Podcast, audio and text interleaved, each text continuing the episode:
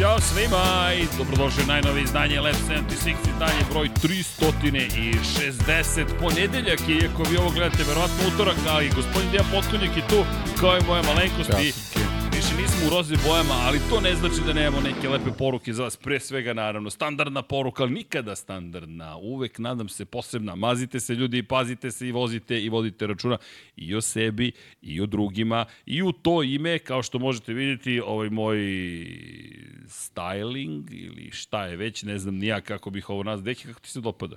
Savršeno. Fantastično, a? ali obeć, sam si posečen prilikom brijanja, ali dobro da s obzirom na činjenicu da ne poštujem, ne, ne, ja ne zamerite ljudi koji nosite brkove. Ja, ja, ja poštujem zaista sve što činite kada je reč o stylingu i širenju prosto jedne široke kulture kada je reč o imidžu muškaraca, ali ja moram da priznam da meni ovo dosta teško pada. Međutim, kada je reč o novembru, nema se smeješ, Vlado, nije u redu, mesec je novembar, jel tako? I samim tim, šta pričamo? Pričamo ono standardno, ljudi, testirajte se, zaista je lako je ajde da, ili testiraj se, prosto kako god želite. Međutim, ove godine moram nešto da dodam. Mislim da čak ni Vlada ni Deki to ne znaju, pošto sam tek sada upravo dobio potvrdu zapravo da idemo zajedno u akciju sa Generali osiguranjem. Pazite sad ovo, dakle, E, imate par stvari koje bih da napomenem i znate da mi ne komuniciramo standardno, nema uvijenja kod nas previše. Pre svega hvala Generaliju, zašto? Pa zato što nas podržava. S druge strane, hvala im na tome što guraju priču o tome da se podigne svest o borbi protiv raka testisa i prostate. Za one koji ne znaju, novembar nastao u Australiji, puštamo brkove tokom novembra. Da, izgledamo specifično, ali setite se prošle godine, dobili smo neke divne poruke od vas da su da jedan momak otišao na testiranje i zahvaljujući tome ustanovio sa 24 godine da ima rak, ne znam da li testise ili prostate, ali uspešno je operisan i ljudi, to je ona prava priča, prava bitka, tako da vozite računa o sebi, vodite i vozite računa o sebi. E sad, šta još imamo u toj celoj priči? Generali jeste u priči, ali tu imate i hiljadu momenta, nekih neću baš reći hiljadu zašto, hiljadu zato, međutim, s obzirom na činjenicu da nažalost, godišnje 3000 muškaraca oboli, nažalost, 1000 njih premine, što pre se neke ustanove, to bolje. I slogan njihove kampanje, tvoj auto ide na pregled, idi ti. Koliko puta odvezete automobil i pregledate ga? kod majstora servis, vodite računa o njemu, jel tako? Sve vam zvuči poznato, pa vozite računa o sebi, malo se pobrinite za sebe. E sad, oni koji su zapravo kada je reč o osiguranju auto odgovornosti produžili u novembru ili prešli u Generali osiguranje, imaju mogućnost da se kliknete na link u opisu videa, prijeve na formular kojim dobijaju besplatan pregled. Dakle, prvi hiljadu koji se prije imate besplatan pregled ljudi kod lekara kada je reč o ovim opakim bolestima i bez obzira da li iskoristili taj voucher ili nešto drugo, imate poruku od generalija i od nas, ljudi, vodite računa, vozite računa o sebi, testiraj se, prosto je. To je cela priča i ja se nadam da, da naša ma neću reći dosad, da nekom rekao, ej, nemoj pričaš da ste dosadni po tom pitanju. To je važno, mora malo nežnosti da bude u celoj priči, tako da eto, ljudi, poziv stoji i ove godine ja ću nastaviti da puštam mustaće, što bi se reklo, i pozdrav svima koji ih nose hrabro tokom cele godine. Vlada i ja smo krenuli u akciju, ovo je rezultat, koji je danas datum? Danas je Da li se ja tu uspio da se raskrvarim u sred emisije? Ok, puštena je krv, dakle. Vlado, zamolit ću te posle za jedan ubrus, pošto zaista ne bi trebalo ovako da izgledam, ali dobro, Deki mi se nasmeo. uspeo sam, samo treba da se raskrvarim da bi se Deki nasmeo, lako je. Šalim se, naravno, Deki ne voli ove moje grube šale, on je mnogo nežniji od mene, ali činjenica je eto da, da vas pozivamo zaista da povedete računa o sebi, a pozdrav još jedan za ekipu iz Generali osiguranja, s obzirom na činjenicu činjenicu da je to na jedan lep način su se uključili u priču o Lab 76-a. Kada je reč o nama, gledajte sada magiju. Ne, ne, ne, sve je u redu, Vlado. Gledajte sad, gledajte sad magiju. Magija stiže tako što će kadar preći na mene, ubrus će stići kod Dekija, I potom će Deki da prosledi meni ispod stola i vi ćete reći, wow, ništa se nije desilo, on će Deki da progovori, kadar će da pređe na njega, ja ću dobrišem, da jel te, do, do ovaj moment sa brade i Deki, kako si? Savršen posebno ove, ove ove rane najave mi neviđeno odgovaraju, gde kad nema puno informacija, fenomenalno. Ali ne, lepi povod, tako da ovaj, uopšte se ne želimo. Ovaj, čak mi je drago što moramo danas da, da, da ovaj, to je da, da ranije uradimo ovaj podcast, tako da može da se gleda u terminu u kom treba da se gleda. Da, termin je utorak premijerno od, od 20 časova i 15 minuta. Ukoliko je sve prošlo kako treba, Andreja Veliki Srki, Andreja Veliki Srki i ja smo na sajmu u Zagrebu. Ljudi, ko je u Zagrebu? okolini, ko ima vremena da svrati na sajam knjiga Interliber od 7. do 12. bit ćemo tamo. Cijela ekipa, ne baš, bit će tu Andreja i Srki tokom svih šest dana sajma, moja malenkost utorak, sredu i četvrtak, u četvrtak negde do 3, 4 popodne, onda moram da jurim na avion, moram da se vratim pošto imamo veliku nagradu Maleziju u Moto Grand Prix noć četvrtak na petak, a pritom sada je ponedeljak, pa ne možemo da uradimo live u utorak. Vidite kako sve to ide jedno za drugim. I ono što je činjenica jeste da, kao što kaže Deki, imamo najave u kojima ne znamo ništa šta će se dešavati do tog momenta kada u petak se popale prvi motocikli, krene veliko finale, ali mi hrabro ulazimo u najavu jer čak i da je deki sreda ili četvrtak, ja mislim da ne bismo imali više informacija. Možda u četvrtak, pošto bismo čuli konferencije za medije, ali to je to. Moto Grand Prix standardno. Znate gde je Jorge Martin? Na Baliju. On je čovjek otišao na Bali. Ne, oni su najgenijalniji uh, sportisti svih vremena. On čovjek treba da osvoji svoju prvu titulu u šampionatu sveta Moto Grand Prix klase i rekao je posle velike nagrade, spektakularne velike nagrade Tajlanda da on ide na Bali. Dakle, pa, ostaje. Mogu ti reći da je pametan potez. I on ima još šest trka da vozi. U 17 dana. Tako da, odličan potes. 45 dana je već proveo van Evrope, pritom u razgovoru sa Davidem Tardocim, menadžerom fabričke ekipe Ducatija protiv kojih se bori. I ne, Paolo Ćabati mi pričao sa čovekom koji je zadužen za ceo Ducati, je rek, Ćabati mu kaže ja idem kući kaže Martin, ja idem na Bali i sve zajedno sa svojim mehaničarima. Inače, kada pričamo o Martinu, on je znao da odvede sve svoje mehaničare zapravo na neka lepa mesta. Zašto? Pa zato što je obećao svoje vremeno. Kada pobedim, idemo svi lepo da se provedemo i to i učinio. U svakom slučaju, zanimljiva priča je pred nama, ne, ne, spektakularna priča je pred nama, ali kažem još jednom, pozivam vas da, da vodite računa pre svega o sebi u novembru, zato što kreće akcija gde će biti potrebno izdržati ono što nas čeka. Deki, rekli smo na početku godine kada je uveden sprint, za one koje eventualno ne znaju, prva sezona u istoriji Moto Grand Prix da imamo sprint trke svake subote, to je svaki 24 praktično časa, to je 23, pre glavne trke, mi imamo skraćenu trku od 50% trajanja, popularni sprint imamo pa, praktično 50 pojena koji se osvajaju, ni malo naivna situacija u šampionatu sveta i evo nas na kraju sezone. Jedan smo sprint propustili u Australiji, pred nama tri sprintra, tri, tri sprintra, tri sprinta, tri velike nagrade. U 17 dana će biti održani svi treninzi, svi sprintovi i sve trke, a ti treba da odlučiš o tituli šampiona sveta kraljevske klase ja ne znam za veći test da je iko ikada imao i ova sezona već sada je pa posebna. Pa da, kad se, kad se uključe putovanja, mislim da ne postoji slobodan dan.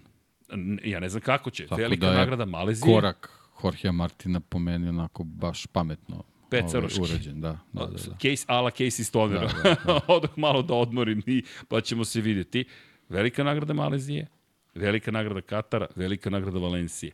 Ti, dakle, završavaš u nedelju uveče trku u Maleziji, po lokalnom vremenu si negde uveče u avionu, letiš za Katar, u četvrtak su prve intervjue, prve konferencije za medije, osim ukoliko ne odlučiš da letiš u, petak, u ponedljak, ali bolje je ranije otići, da se prilagodiš novoj vremenskoj zoni, zatim petak, subota, nedelja u Kataru voziš treninge, kvalifikacije, sprint, trku i potom letiš za Valenciju, dakle, ponovo na zapad i imaš odmor do četvrtka kada kreće tenzija, veliko finale, ukoliko ga bude, ukoliko titula ne bude osvojen, imaš petak, subotu, nedelju, 24. 5. 6. novembar da rešiš sva pitanja.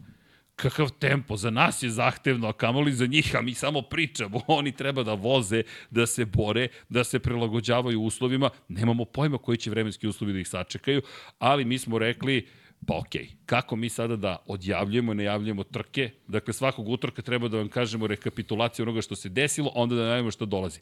Pa smo rešili, ne znam, Delki, da, Delki, opa, opa. Da, krenulo ti je krenulo mi je da. večeras. Dakle, ne znam, Delki, da li si raspoložen, ali ja mislim da je bolje da mi najavimo sve tri trke, malo prođemo kroz istorijat, i kažemo ljudi ono što vas čeka u naredne tri nedelje mi još nikada nismo imali u šampionatu sveta u istoriji, nikada. Prosto ovakvu situaciju nismo imali da mi u tri uzastopna trkačka kalendarska vikenda dobijemo šest trka koja, u kojoj svaka praktično može biti odlučujuće za titulu šampiona sveta. Čisto da se podsjetimo stanja u ovom trenutku, branilac titule Francesco Banjaja 389 poena, 376, dakle 13 manje ima Jorge Martin i 79 manje od Francesca Banjaje ima Marko Beceki koji još uvijek teoretski ima šansu da dođe do titule šampiona sveta. Banjaja, fabrički vozač ekipe Ducatija, GP23 u njegovim rukama, Martin, vozač pramak, prima pramak ekipe GP23 u njegovim rukama i vozač VR46 Muni ekipe Marko Beceki na GP-u 22, prošlogodišnjem šampionskom motoru, to je motociklu Francesca Banjaje. To su ljudi koji imaju teoretsku šansu da osvoje titulu, ostali više nisu u igri, čak ni Brad Binder koji je četvrto plasiran, inače fabrički vozač KTM-a, i to je to. Tri sprinta, tri trke, deki, ja nemam pojma ko će da osvoji titulu, da kažem. Titulu, to je, to je to. jedino što se zna. Ej, to je rekao Trdoci. Da. Tu će Abati isto. Što se nas tiče, Ducati ostaje šampion. Sad, ko će biti vozač šampionski, ne znamo, ali to je to. Lepo si rekao, odbranjena titula. Male su šanse da. Becekiju. Ja moram ti yes. priznati da, da ne vidim Becekiju, da, da, će, da može nešto da uradi. Jednostavno, me, za mene ovo bitka između Martina i Banjaje. Pa jako je malo verovatnoće da, da se ovoj dvojici baš tako loše slože kockice da, da, da na preosle tri trke tako mali broj bodova uzmu da, a da, da Marko bude na apsolutno maksimumu ovaj, koliko je 111 bodova je maksimum koji možeš da osvojiš, tako, tako 37 da, po vikendu. Tako da ovaj, matematički su njegove šanse onako Postoje. sasvim, sasvim ono, da kažemo i realne.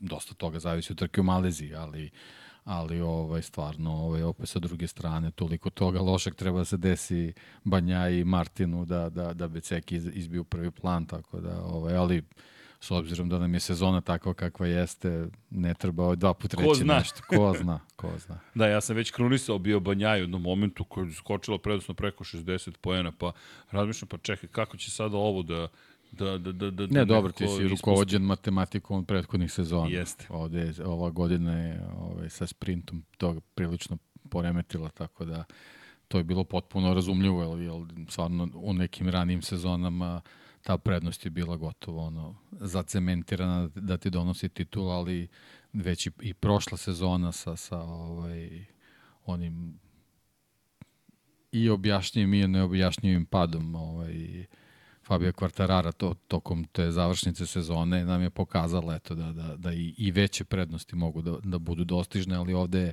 sa Becekijem problem što dvojicu rivala ima da, da prestigne sa velikim zaostatkom, tako da ovaj, Mislim, baš sve, je sve je moguće, ali, ali baš je teško. Mislim, ako nešto slično i dođe u, u, u situaciju da, da, da, da, da, se, da, se, da se situacija u stvari rasplete, to će nama samo doneti dodatni spektakl i ne verujem da, da bilo ko može se buni zbog toga. E, Marko Beceki kao i Francesco Banjaja izuzit ću Jorge Martin, imao je povrede zapravo u završnici sezoni. To je najveće meri uticalo na njegovo odsustvo iz ove bitke. Videli smo koliko je dobro vozio na Tajlandu. Pozicija broj 4, nevidljiva pozicija, ako samo dve sekunde bio iza vodeće trojice, ali najbolja trka koju smo gledali u poslednjih nekoliko godina, sad počinje preveličavanje. Najbolja je trka ikada i tako dalje. Ne znam da li je baš najbolja trka ikada, ali jedna od svakako najboljih antologijskih, onih koji će ući u istorijat šampionata sveta je viđena zapravo sada pre 8 dana. S druge strane, Marko Beceki je bio posmatrač, nemi, ali bio posmatrač samo dve sekunde iza, uprkos povredi, to je prelomu ključne kosti desnog ramena, tako da verujem da nije bilo te povrede da bi Marko zaista igrao ozbiljnu ulogu. No, desilo se, to je jedna od onih situacija, jedna od onih pehola, kao što se desilo Francesco Banjaji, kao što se desilo i Jorge Martinu da ne završavaju trke. I zanimljiv mi je bio razgovor posle kada je prošla trka, pa ponovo gledam neke intervjue, njih dvojica koji pričaju koliko imaš padova, imam pet, koliko imaš ti, imam četiri pada.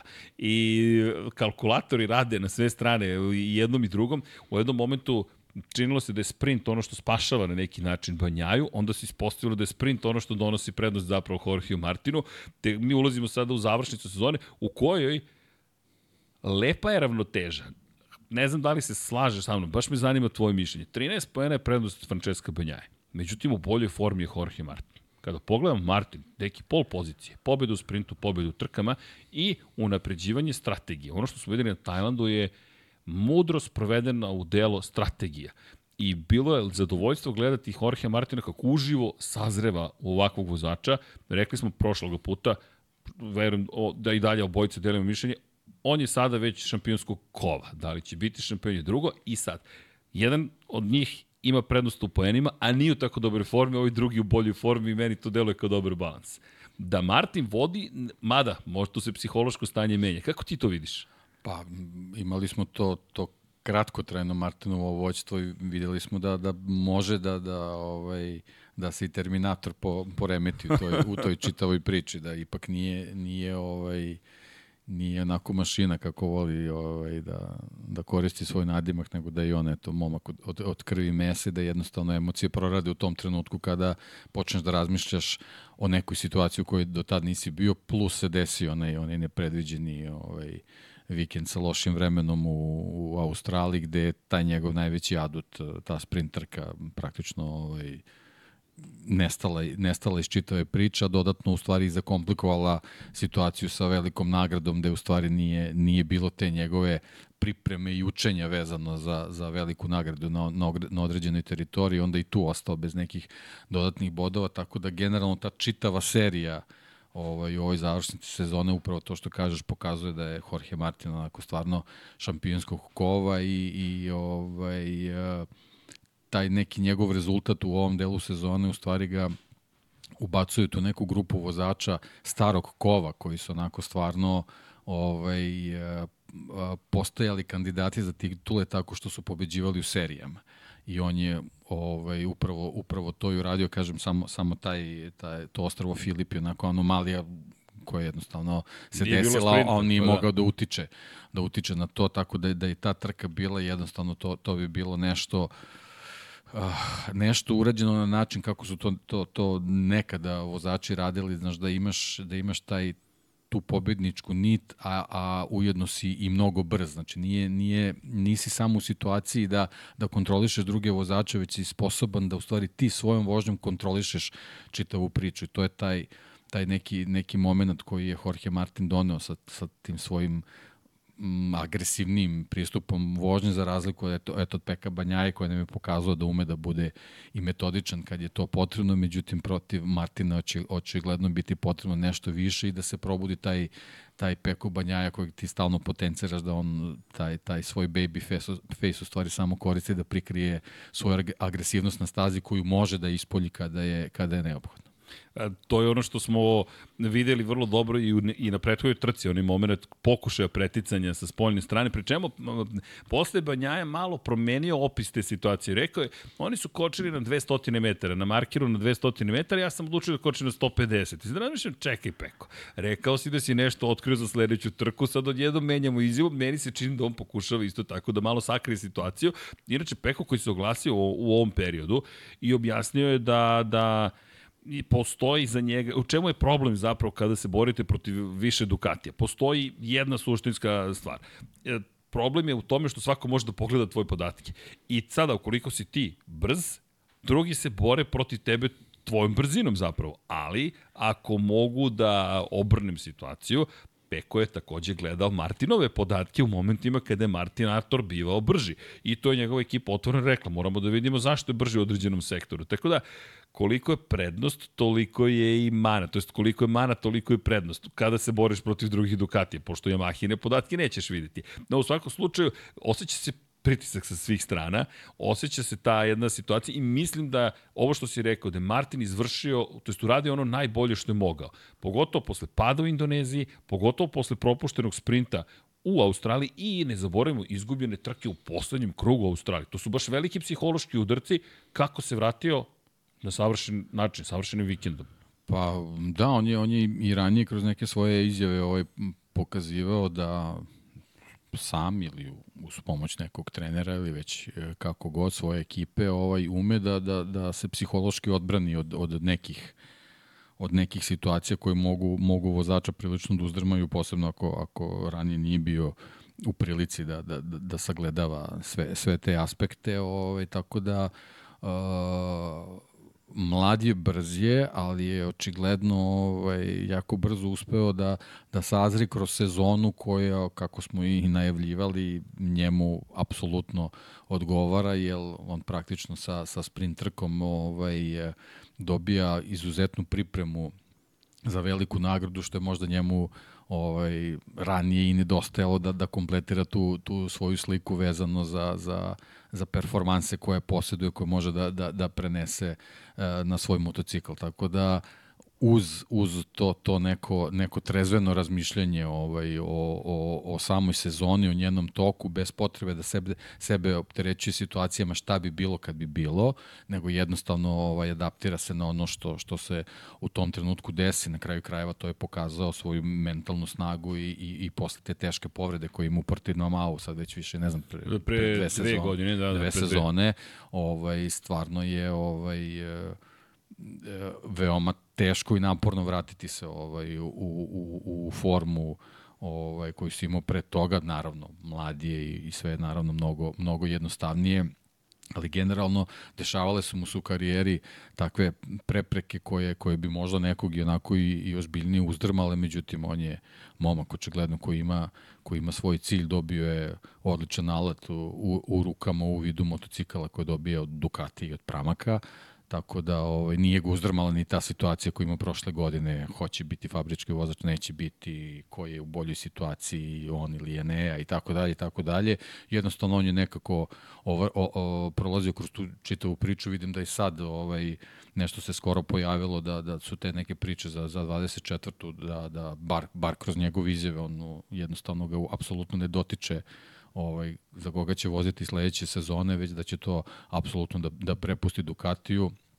Tako da ovaj očigledno da je, da je dosta naučio iz tih nekih situacija koje je imao ovaj u, u prethodnom periodu, tako da to je to je to njegovo oružje, jednostavno ta ta mirnoća da kažemo van staze, a sa druge strane kad se nađe u sedlu nema šta, all in je svaki put i, i to je to, ali, ali ne on, all in onako na nepromišljen način, nego, nego ovaj, jednostavno all in gde, gde u svakom trenutku kontroliše situaciju na, na taj neki, da kažemo, novi način, jer, jer ne možemo sad stvarno da ga poredimo sa, sa, sa nekim vozačima u prošlosti koji su to radili na neki specifičan način, tipa Jorge Lorenzo, kojeg stalno spominjemo, ovo stvarno vezano za, za, za ovaj šampionat i, i ovoliki broj trka, možemo da kažemo da je, da je ovaj, uh, ovo građenje sezone, građenje sezone ala Jorge Martin. Znači, bukvalno originalno. E, najavio si to i na početku godine i evo, dešava se. Bukvalno se raspliće sezona u shodno tim najavama. Kao što smo vam rekli, slušaju nas i drugi. Šalno na stranu, ali uh, vi nas slušajte, molimo. Ne, ne, mu kažem čak ni molim vas. Ukoliko želite, slušajte nas, ljudi. Nadamo se da hoćete, nam je mnogo lepo kada ste tu. Ali ne možemo ni, čak ni da vas molimo, ni teramo. Ljudi, to nije u našem duhu. Prosto nas doćemo da pričamo o ovome. Zašto? Pa volimo da pričamo o Moto Grand Prix-u i kada ne moramo, mi ćemo gledati Moto Grand Prix ili ćemo se baviti Moto Grand Prix ili Formulom 1, to se zove ljubav, to je vrlo jednostavno, ali iz perspektive onoga što zajedno s vama radimo, pa nadam se da ste tu, kliknite like, share, subscribe, kliknite join, patreon.com kroz Infinity Lighthouse. Jeste ovo premijera, ali kao što možete vidjeti, odmah dobijete pozivnicu u vizualnom obliku. Hvala Vlado. Dakle, join, subscribe i sve ostalo. I naravno da nam znači podrška. I u to ime, neko mi je rekao da sam, ne znam s kim me uporedio, pošto kao, jurimo 40.000. Ne jurimo ljudi, ali bilo bi ne mogu zapravo da dođemo do 40.000 subscribera. Nismo, verujte, evo, te je živ svedok. Neki jesmo ikada planirali, ićemo na 40, ne znam nija koliko subscribera. Nijedan plan nije postao tog tipa do ove godine. I svako sedim i kao, čekaj, pa sad smo blizu 40 hiljada. To je nestvarno, ljudi. Samo zamislite, 40.000 ljudi je kliknulo subscribe dugme. To je jedan stadion. Mi nemamo koncept kako to da smestimo u svojoj glavi, mi ćemo se praviti da se to ne dešava. To nam je najlakše, ali isto tako nam znači, jer, kao što možete vidjeti, dođu i sponzori, dođe gledanost, podrživa se još više YouTube i tako dalje, tako dalje. Šta nam to omogućava? Da se bavimo našim ljubavima, to je Moto Grand Prix. Tako da, hvala za podršku, like, share and subscribe i sve ostale lepe stvari, zato što nam i te kako znači. E, sad opet malo sam skrenuo s puta, ali ne, ne moram povremeno da skrenem s puta. Da se vratim na, na ovo što si rekao, dakle, na početku godine si najavljivao da će ovo biti sezona skrojena praktično po, po nekom šablonu koji odgovara Jorge Martinu. Bilo je potrebno neko vreme da se prilagodi tome. Delovalo je kada je Panjaja taj koji je zapravo vladao formatom bolje nego ostali, pobedene u prvih par pa, nekako se ispostavi da je bilo potrebno vreme da se Ducati prilagodi ovom formatu, da, da se taj GP23 u stvari prilagodi potrebama sprintrke i, i, i velike, velike nagrade i ispostavlja se da taj da, ta, da kažemo ta konačna verzija GP23, ako je konačna verzija, ovaj, je u stvari skrojena da Jorge Martinu pruža sve što mu je neophodno i za subotu i za nedelju jednostavno ovaj, kao da se, da se najbolje najbolje snašao na, na, na, na tom motociklu. Mislim, njih, njih četvorica su generalno u toj priči, ne u Bastianini, ne možemo nešto mnogo ni da računamo, ni da radimo neku spektakularnu da, analizu ovaj, njegovog izdanja na GP23 koja je generalno loša. Ne, ne moramo da koristimo neki, neki drugi izraz. Sa, sa druge strane imamo uh, Joana Zarka koji je nekako u početku sezoni imao tu neku uh, ulogu razvojnog vozača, a kasnije se jednostavno pokazalo da bez obzira na sve njegove kvalitete i tu, tu spektakularnu pobedu ovaj, koju je konačno izvojevao, ovaj, ipak nije, nije kalibar vozača poput Banjaje, poput Banjaje i Martina i u principu njihova uh, njihova izdanja su ovaj merilo kvaliteta vozača koji koji upravljaju 20 trojkama s obzirom da je ta razlika toliko mala u, u šampionatu mislim da jednostavno ne treba tu nešto mnogo ni, ni trošiti reči. Imamo dvojicu vozača koji su bukvalno neke dve trkačke filozofije ovaj uh, razvijaju i neguju i, i ovaj, nismo u stvari eto mogli, mogli bolju završnicu ni da dobijemo, jer imamo Imamo još šest trka do, do, do, do kraja sezone, da kažemo da su svi šest različitih iz prosto razloga što imamo tri sprinta, znači već samim tim se razlikuje od velikih nagrada, a sa druge strane imamo tri staze koje su prilično različitih profila, ovaj, na, na različitim kontinentima, voze se u, u, u u različitim vremenskim uslovima i u, i u vremenskim periodima, tako da ovaj bukvalno imamo ono različite izazove za vozače različitih filozofija na identičnom motociklu. Ja, ja ne znam da li, da li može nešto bolje da bude ovaj vezano za, za, za rasplet sezone. Savršenije od ovoga zaista ne ide. Pri čemu imamo još priče u svemu tome. Francesco Banja Juri prema sobstvenim rečima, a i mi ćemo i tekako insistirati na tome, uzastopnu titulu. Ne, dve stvari. Prvo da postane višestruki šampion sveta u Moto Grand Prix klasi. On već ima dve titule, jednu u Moto 2 klasi iz 2018. i prošle godine osvojenu u Moto Grand Prix. Da postaneš dvostruki šampion kraljevske klase, a pritom da to učiniš godinu za godinu, to je da odbraniš krunu, nije baš nešto što je često, ne makar ne u poslednje vreme, i Banja je rekao da, odbranim titulu je posebna stvar. Dakle, mi govorimo o grupi vozača poput Marka Markeza, poput Valentina Rosija, čak ne ni Jorge Lorenza. Lorenzo nije odbranio titulu nikada, čak ne ni Casey Stonera nikad nije odbranio titulu, Alex Krivije nije odbranio, Kenny Roberts mlađi nije odbranio, to su sad šampioni koji su jednom osvajali titulu, Niki Hayden. Pre Markeza, poslednji koji je uspeo da osvoji dve titule za redom bio je Valentino Rossi. I to u dva navrata. Prvi put pet puta za redom, pa potom dva puta za redom. Pre toga, Mick Duan, Pre toga, Wayne Rainey, pazi, deki, sad smo već došli do 90. godine, mi govorimo Rainey, Duan, Rossi, Marquez. I ti bi mogao da upadneš u to društvo. To je zaista, ja vas se sad naježe, to je, to je posebno, to ti ideš, ti ideš u zaista panteon i ono što smo rekli, ti si završio karijeru što se tiče angažmana ti si Ducatijev čovjek dokle god želiš da vrtiš krugove u Moto Grand Prix. To je to. Jednostavno, ti si to. Znaš, i to je ogroman ulog. A Jorge Martin s druge strane, prvo u karijeri.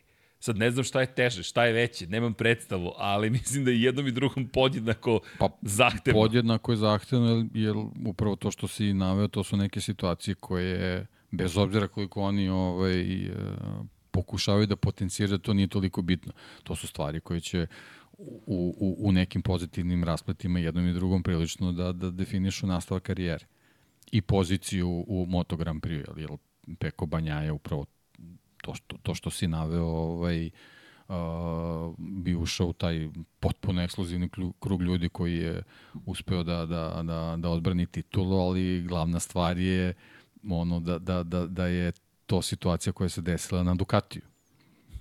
I to crvenom Ducatiju. Znači, to je onako istorijski, Jeste, kad to se niko bude nikad za neki radio. 20-30 godina to gledalo, ovaj, to će onako grafički prilično dobro da izgleda vezano, vezano za Ducati. A sa druge strane, što tiče Jorge Martina, on, on bi postao španac na Ducatiju koji je osvojio titulu. Gde, Isto gde sledeće, stvar, gde sledeće je. godine još jedan španac treba da sedne možda na njegov Ducati, ta isti, i da ovaj da onda njih dvojica ponovo uđu neku borbu. Tako da a, ta startna pozicija za Jorge Martina će biti onako prilično značaja na stranu to što će postati svetski šampion. Tako da ovaj sa, sa više strana se pravi ta neka pletenica koja onako prilično može može da se da se da se zamrsi, a generalno samo ta, to neko konačno ovaj, proglašenje šampiona će nam u stvari dati odgovor u kom smeru to može da ide u budućnosti, ali da ne idemo sad toliko daleko. Da, to, to, to je, to je već ali korak. generalno to što si rekao, prilično je mnogo stvari ovaj, u igri i to su onako baš prilično vel, veliki ulozi da, da jednostavno ne možemo da, da, da, da, da im u potpunosti verujemo da ih to u ovom trenutku ne zanima. Čisto da zakomplikujem stvari još malo. Ajde da pričamo o nacionalnostima.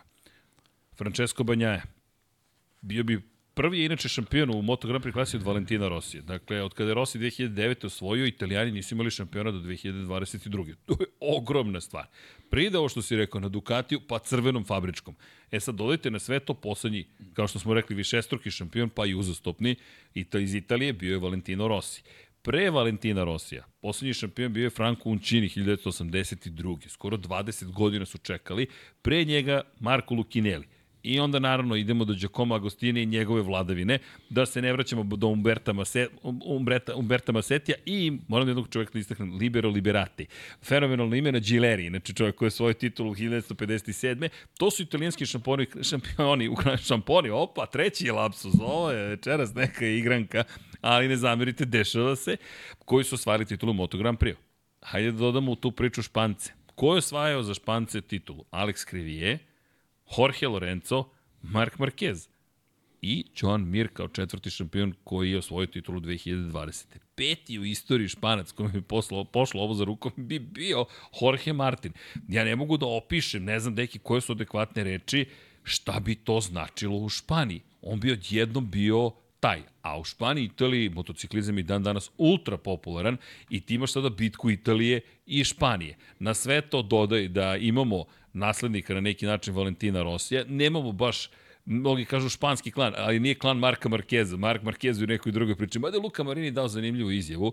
Osvrnuo se i na dokumentarac Marka Markeza i na činjenicu da njegov brat Valentino Rossi dalje ljut na Marka, ali rekao za meni dalje fenomenalno što Markez dolazi u Ducati. Ljudi, to je veliki šampion. Tako da to isto vrlo zanimljivo, jedna priča. Ali Jorge Martin nije u tom klanu, on je u nekoj svojoj priči, on se uglavnom, uglavnom druži sa Alešom Espargarom. To mu je jedan od glavnih drugara. I samo da stavimo stvari još u dodatnu perspektivu. Jedini čovjek koji je za Francusku osvojio titulu je Fabio Quartararo. On je jedan od tri šampiona u poslednje tri godine i sad ako Martin osvoji, nastavlja se taj niz stake godine novi šampion. Pa, koliko priča. Koliko priča i to je o, nastavak one priče e, generalno kad smo krenuli još od, od GP21 Ducatije da, da pričamo o novoj, o novoj eri u Moto Grand Prix gde bukvalno na svakoj trci možemo da očekujemo drugog pobednika, došli smo do toga da bukvalno imamo sezone gde svake godine možemo da očekujemo drugog šampiona i da je jako teško očekivati nečiju dominaciju. Zato je u stvari i uspeh Peka Banjaja ove sezone jako značajan. On je čovek koji se već drugu godinu za redom ozbiljno bori za, za šampionsku titulu u ovom periodu sezone. Tako da ovaj, I sa te strane treba posmatrati njegov rezultat, a sa druge strane treba posmatrati rezultat Jorgea Martina koji uspeva da na ovom nivou ostane tako daleko u sezoni koja, koja zaista jako, jako dugo traje. To je Mark Marquez baš pričao u ekskluzivnom razgovoru za Crash. I rekao je, kada pogledate predsezonska testiranja, trke, kvalifikacije, treninge, uvek neko može da bude brz, ali se šampioni izdvajaju upravo u tome što su neprekidno u samom vrhu. I kada je teško, pogotovo kada je teško, kada nije prijetno, kada nije zabavan vikend, da ostanete u samom vrhu i da se borite za ili pobedna ili pobednička postolja. To je Banjaja pokazao ove godine. Martin ne baš u početku, u prvoj polovini sezone, ali Martin sada to pokazuje i kada padne, podigne se i zato smo ih obojicu svrstali to, šampionskog kova. Ali i Marquez zna, Marquez je kako dobro zna kako se osvajaju titule, on međutim čovjek nije uopšte u, u razmišljanjem o titulu i rekao ja prvo moram da vratim samopouzdanje, ova dvojica momaka imaju neverovatno samopouzdanje i sad to me dovodi deki do trka koje su pred nama. Mi imamo Maleziju, imamo Katar, imamo Valenciju. Kada je reč o konfiguracijama staze, Malezija predivna. Dva duga pravca. Malezija je prava Grand Prix staza od ove tri, po meni. Baš je prava, da, prava Grand da. Prix staza. Imamo uspone, spusteve, imamo duge, brze krivine, park sporih krivina, zahtevna je na svaki mogući način u teškim vremenskim uslovima. Vlažnost vazduha će biti visoka, ako je sunčan dan, topit će se ispod odela, ukoliko nije sunčan dan, verujte, vozit će po potpunom potopu i jedno drugi je test za Grand Prix vozača. S druge strane imamo Katar, ravna, brza staza, ali nema taj šmek što ti kažeš Grand Prix staze. Jednostavno kada pogledaš Kuala Lumpur, to jest kada pogledaš Sepang, međunarodnu stazu, popularne Sepang International Circuit Sits, jel te, to je ta staza koja je pravljena za Formulu 1. To je prvi pravi, da kažemo, dokaz da Herman Tilke može da napravi dobru stazu i to je njegova možda i kruna. Kažemo, možda smo ga previše kudili, pošto on čovjek od onoga što mu je traženo je pravio najbolje što je mogao. Ovde je baš uradio super posao i onda na kraju dolazi Valencija koja je... Ovde su mu rekli moraš da napraviš uh, lep krov na, na, na tribinama. To, to, to. Na... I odatle su krenuli verovatno start, startno ciljnog pravca. Ali to je super. To mora lepo da izgleda, to... ovo ostalo radi I, kako god I između, pošto su dva kod dva pravca, između mora da bude padok klub, da sve stane, da se ljudi da. zabavljaju, da. budu žurke, sve da bude to kako treba. to su bili glavni zahtevi za dizajnera. ovo ostalo, šta će kako da ih spojim? Kako god hoćeš, prijatelji, samo ih spoji. Lepo je spoje, zaista. Baš je spojio i, i Malezija je baš dobro mesto Malezija za je ono staza gde stvarno i što se tiče motocikla i automobila dobijaš ovaj uh, krug i profil koji koji može da da da da u stvari pokazuje potencijale svih vozila, dva ili četiri točka potpuno sve jedno i zbog toga onako možda i, i, i spada u grupu tih specifičnih staza. Da, kada pogledaš 15 krivina, taman. Za, da. Po mom mišljenju 15 do 16 krivina, to je taman. Prva krivina, ona je oštra, ali nije toliko oštra da je klasična stani kreni. Ne, ti moraš kroz nju da prođeš, a onda se pripremaš na nizbrdici da se prebaciš u levo u još oštriju krivinu i onda da raspališ po gasu pa da prođeš kroz dugu treću krivinu, pa ideš dole ka četvrtoj krivini koja je pod uglom od 90 stepeni i onda ideš u super brzu krivinu u ne, levo. Ne, sad je to super to što se ispričao potpuno ista priča i za automobile i za motocikl. Da, tako I to je u stvari specifično Sepanga. I dovoljno široka, ima prostora za preticanje, a nisu pravci najduži na svetu. Dakle, dovoljno dugački, ali nisu najduži. Dovoljno I... ti naprave problem da napraviš prenose onako kako dakle, treba to, da ih to, napraviš. To, to, to. Moraš malo da se baviš. A onda iz pete imaš transfer, imaš prebacuješ se u šestu koja je takođe brza i onda ideš onaj pravcem i ideš opet ka jednoj oštrijoj krivini. A nisi baš najsigurniji gde su temena. Ne, e, to se ti kažem, sedma, osma krivina gde je tebe sedmo Posebno ako si u duelu nekom. gde je tebe? Nije baš jednostavno pogoditi onako kako treba. Ali taj seče, da, imam osjećaj kao da je napravio za sedmu i osmu krivinu i onda uzeo ovako lenjer i isekao. Jer ti zapravo možeš kroz sedmu i osmu da prođeš kao da planiraš jednu trajektoriju. Ako si sam na ali, svetu. Ako... ali nisi, imaš 20 vozača. Samo da pozdravim Johnny-a. Hvala Johnny, bio je na specijalnoj misiji preuzimanja postera za zagrebački sajam. Ostali nam posteri, ali dobro, stižu sutra ujutru. Ali ti, lepo si rekao, sam, nikad nisi sam. I onda je od 8. do 9. E sad 9. nazvaćemo je za potrebe ovog podcasta Ajogura. krivina, ili ti, aj, kakva krivina. Ajogura se tu bacio prošle godine, pokušao da pretekne Augusto Fernandeza potpuno bezuspešno i to je najoštrije krivina. Pa možda on kao Peko tražio 50 metara kasnije u kočenju. Sad, sad nam Peko nam otvara neke nove perspektive. Da. ali nije se baš tako ispostavilo. Da. Elem, ne zamerite navijači, a je ogure, ali činjenica pokušaj je bio Dobro, mora, mora da istrpi. mora da istrpi. svaki put kad se setimo toga. ne, ne, ta deveta, ja svaki put pomislim. I onda deseta, opet duga krivina, 11. nešto oštrija, pa opet kratak pravac ka 12. Moram da spomenem 11. nažalost, tu smo izgubili Marka Simončelija.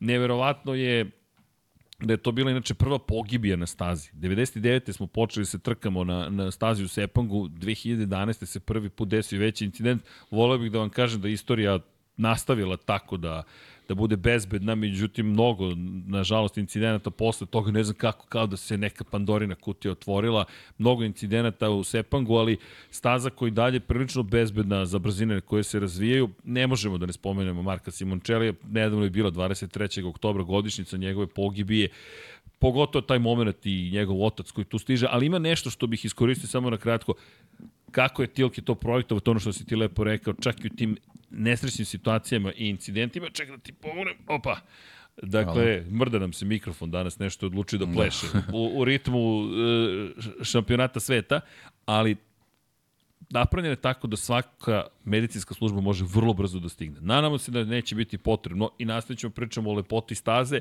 od te 11. tamo ka 12. E sad tu dolazimo do Serhija Pereza i Fernanda Alonso 2012. u Zauberu, to je Ferrariju.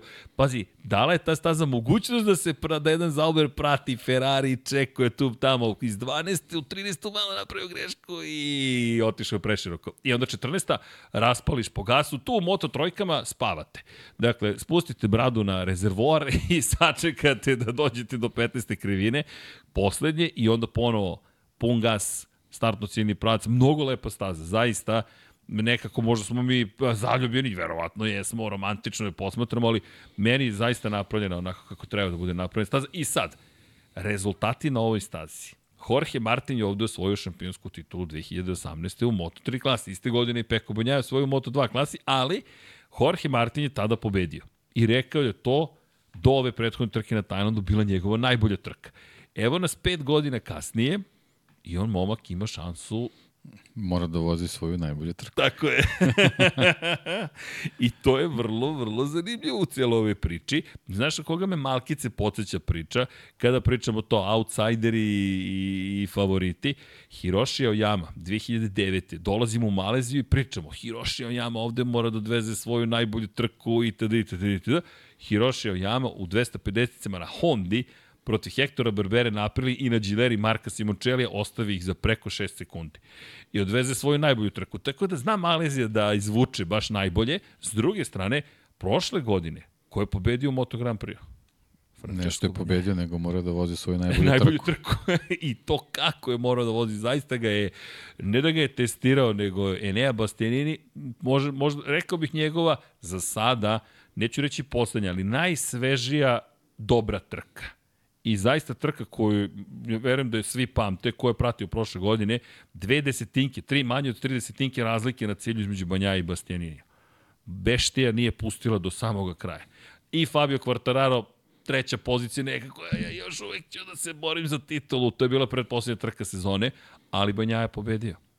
20 krugova, baš je bio dobar. Da, odličan je start bio i sve, sve onako išlo, išlo kako je sam najavio da mora da bude. I tako je, tako je išla trka i evo sad, ono, godinu dana kasnije praktično dolazimo u istu situaciju da, da svako ko želi da ostane u borbi za titulu mora, mora da ponovi ono što je Peko Banjajo radio, uradio prošle godine. Jorge prošle godine nije završio trku, tako da ima, ima tu, tu knedlu, da kažemo, koja, koja stoji i tu neku ovaj, otežavajuću okolnost. Međutim, sa druge strane, po hiljaditi put ponavljamo, njegova olakšavajuća okolnost što će ove godine imati sprint u kojem će moći da se apsolutno pripremi za ono što ga čeka za, za veliku nagradu, a, a u samom sprintu na njemu je da izveze 5-6 kvalifikacijnih krugova i da i da osvoji, osvoji te bodovi da praktično o, uz, uz, neki, uz neki raspet te situacije na sprintu, pošto znamo da, da Peko subotom baš i nije naj, ne, ne sad svaki put, ali da, da jednostavno najčešće statistika nije. pokazuje da najčešće nije ni u samom vrhu, da oni gotovo izjednačeni uđu ovaj, na start velike nagrade Malezije. Posle. Onda imamo, izvini, ovaj, čisto da Naravno. da pogledamo i taj poredak ovaj, prošle sezone, čisto malo da se začini situacija. Prvi momak ovaj, ispod podijuma bio je Beceki, što znači da i njemu ovaj, ova staza u neku ruku odgovara, ali ipak moramo gledamo te najsvežije rezultate pre svega zbog motocikla koji kojim uh -huh. upravljaju tako da ovaj Beci on bio je dobar. da ovaj nije nije preterano mnogo zaostao za za za vodećima tako da da je on u stvari zatvorio tu grupu od te četvorice vozača koji su tu trku završili onako u, u ozbiljnom tempu tako da i na njega moramo da računamo u Maleziji i kažem uz uz nadu da da Jorge ovaj da će, da će ove godine završiti obe trke da da bismo dobili tu tu bodovnu razliku što što zanimljiviju ovaj po povratku Katar. Kada pričamo o Becekiju, uveo bih u priču i ostale vozače. Vratit ćemo se Maleziji i Kataru i Valenciji, ali Deki, ne bi bilo iznenađenje, ne znam kako ti vidiš to za mene da Beceki pobedi u Maleziji. Čak mi ne bi bilo iznenađenje, misle će imati najveće probleme na startu, novi Ducati očigledno je razvio taj sistem za start koji je daleko bolji od svih ostalih. Start koji možemo vidjeti kod Martina, koji možemo vidjeti kod Banjaje je spektakularan, blago rečeno. Naravno, morate da iskoristite opcije koje imate na raspolaganju. Joan Zarko ima taj motocikl, pa ga ne koristi tako. Enea Bastianini ima taj motocikl, pa ne koristi taj sistem start tako.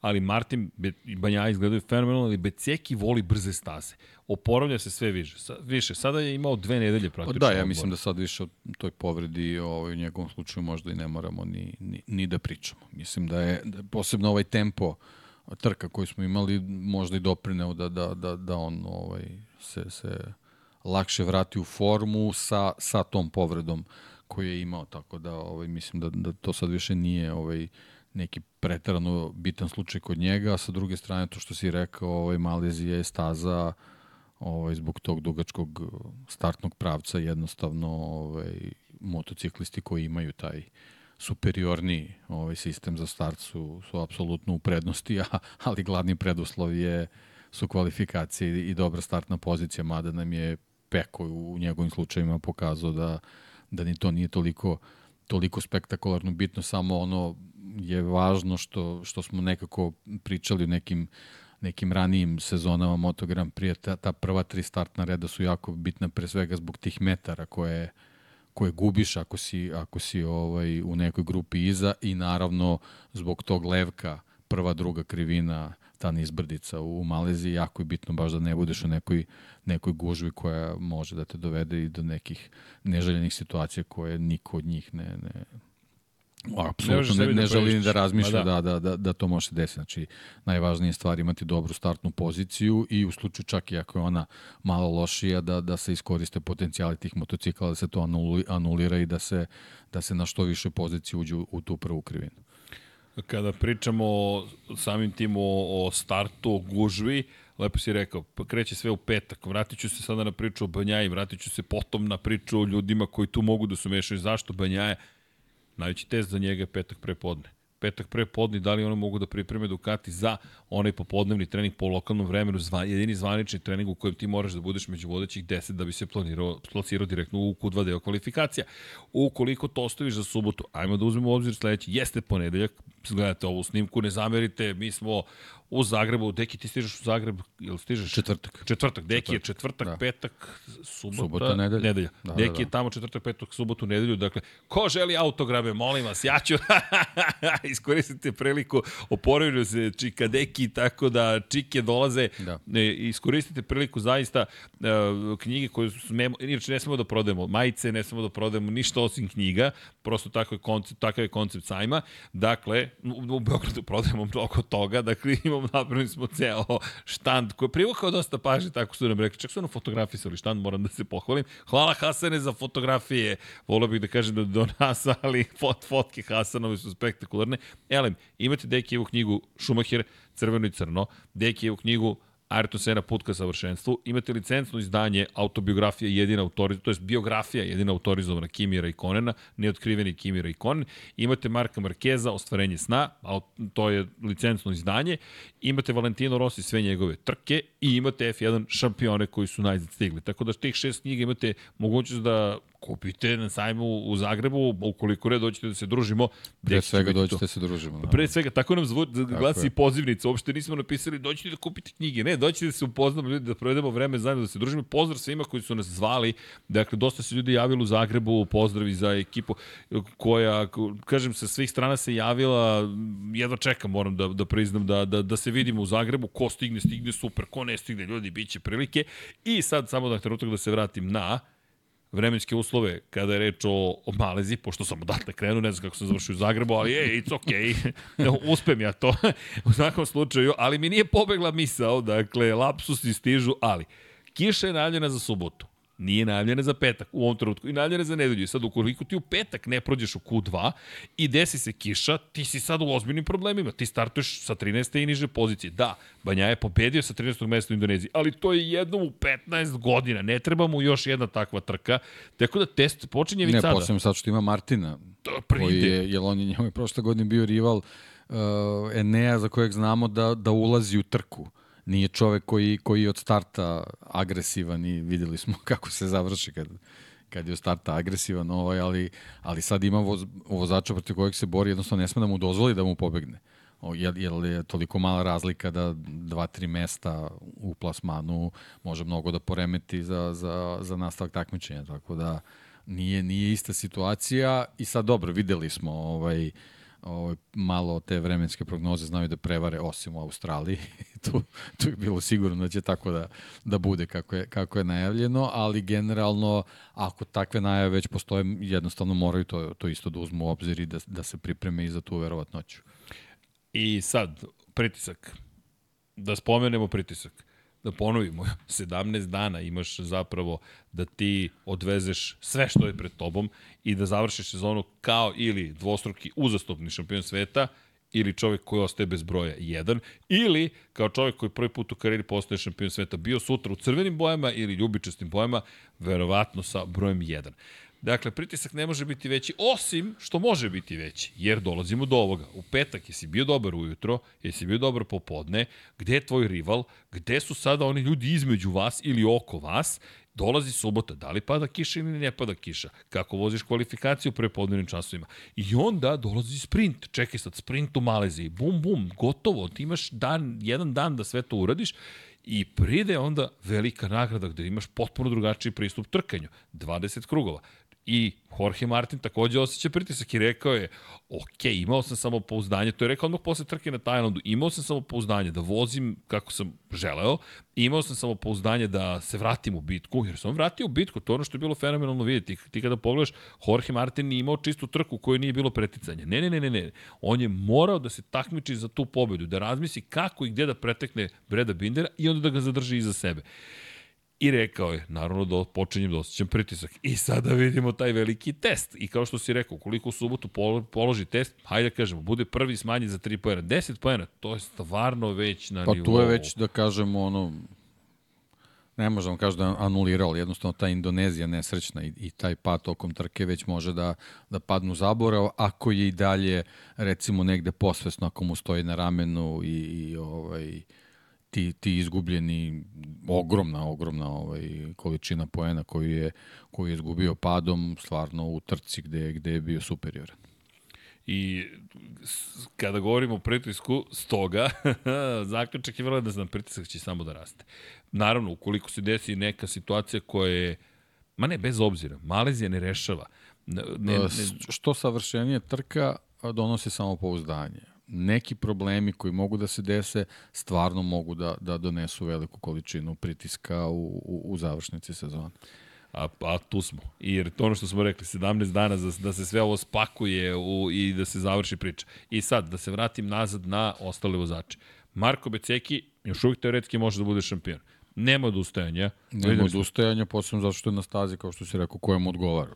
Nema, nema mnogo filozofije vezano za njega on jednostavno čiste glave treba da, da ulazi u tu priču, nema, nema o čemu da razmišlja, nego, nego jednostavno da, da uživa u toj trci da, da pokuša da na maksimalni način iskoristi potencijale motocikla i taj neki svoj talent u vožnji na, na, na brzim, na tim pravim Grand Prix stazama. jednostavan je recept što se njega tiče. A Beceki, kažem, uz činjenicu da može da se bori za titulu, sigurno neće odustati od, od toga da se bori ovde za pobedu, pol poziciju, sprint, da, da, da savlada. I onda dolazimo do toga da zapravo će imati čoveka koji bi mogao direktno pa, utiče kako, na ishod. Ništa, ništa nije izgubljeno iz prostog razloga što on ima dvojicu rivala koji mogu da se nađu u nekom duelu, kad se nađu u duelu, sve je moguće. Mislim, jednostavno, ne, nećemo da gledamo na tu stranu, ali jednostavno sve je moguće, to su, to su trke i on iz tog razloga ovaj, ne, nema razloga da, da odustaje u ovom trenutku, nego da, da, da, da pokuša da, da, da i on vozi svoju najbolju trku u karijeri.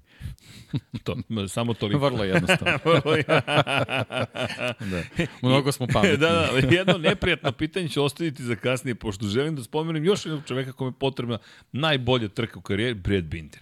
Binder na KTM-u, deki, izgleda sve bolje i bolje. Izgleda sjajno. Zanimljivu izjavu je dao Jorge Martin to pred početak konferencije za medije u, na Tajlandu. Rekao je Binderu, uzeo, uzeo rezultate, pogledao gde su ostali KTM vozači i rekao ti si taj koji, you make the difference, ti si taj koji stvara ovu razliku. Binder nije rekao da, nego sam rekao, ba, da, da, teška trka, itd., itd., itd., itd. Jack Miller, klubski kolega u fabričkoj ekipi KTM-a Breda Bindera je rekao da ili će on da počne da jede samo kupus, ili to je Salat, zelenu salatu, zelenu, zelenu salatu, salatu, da, da, zelenu salatu, dakle, ili će KTM da nađe više konjskih snaga. E sad, sve bi to bilo u redu kada s druge strane ne bismo imali Pola Espargara koji nije toliko težak kao Jack Miller koji podjednako ima loše rezultate ili Augusto Fernandez koji nije toliko težak ali ok, on je Novajlija. Brad Binder je taj koji zaista u ovom momentu izlači najviše iz KTM-a, ne znam šta bi radio Dani Pedrosa, to je možda za Valenciju pitanje ako se pojavi, ali činjenica je da Brinderu nedostaje pobjeda ove sezone, a tu je. I opet, najbolja trka karijere, potencijalno, ali on bi mogao opet da se umeša u celu ovu priču. Nema razloga da na ovoj stazi ne vidimo KTM ponovo u Brad, Brad Binder je neobna, neobjašnjivo ubedljivo najbolji vozač KTM-a.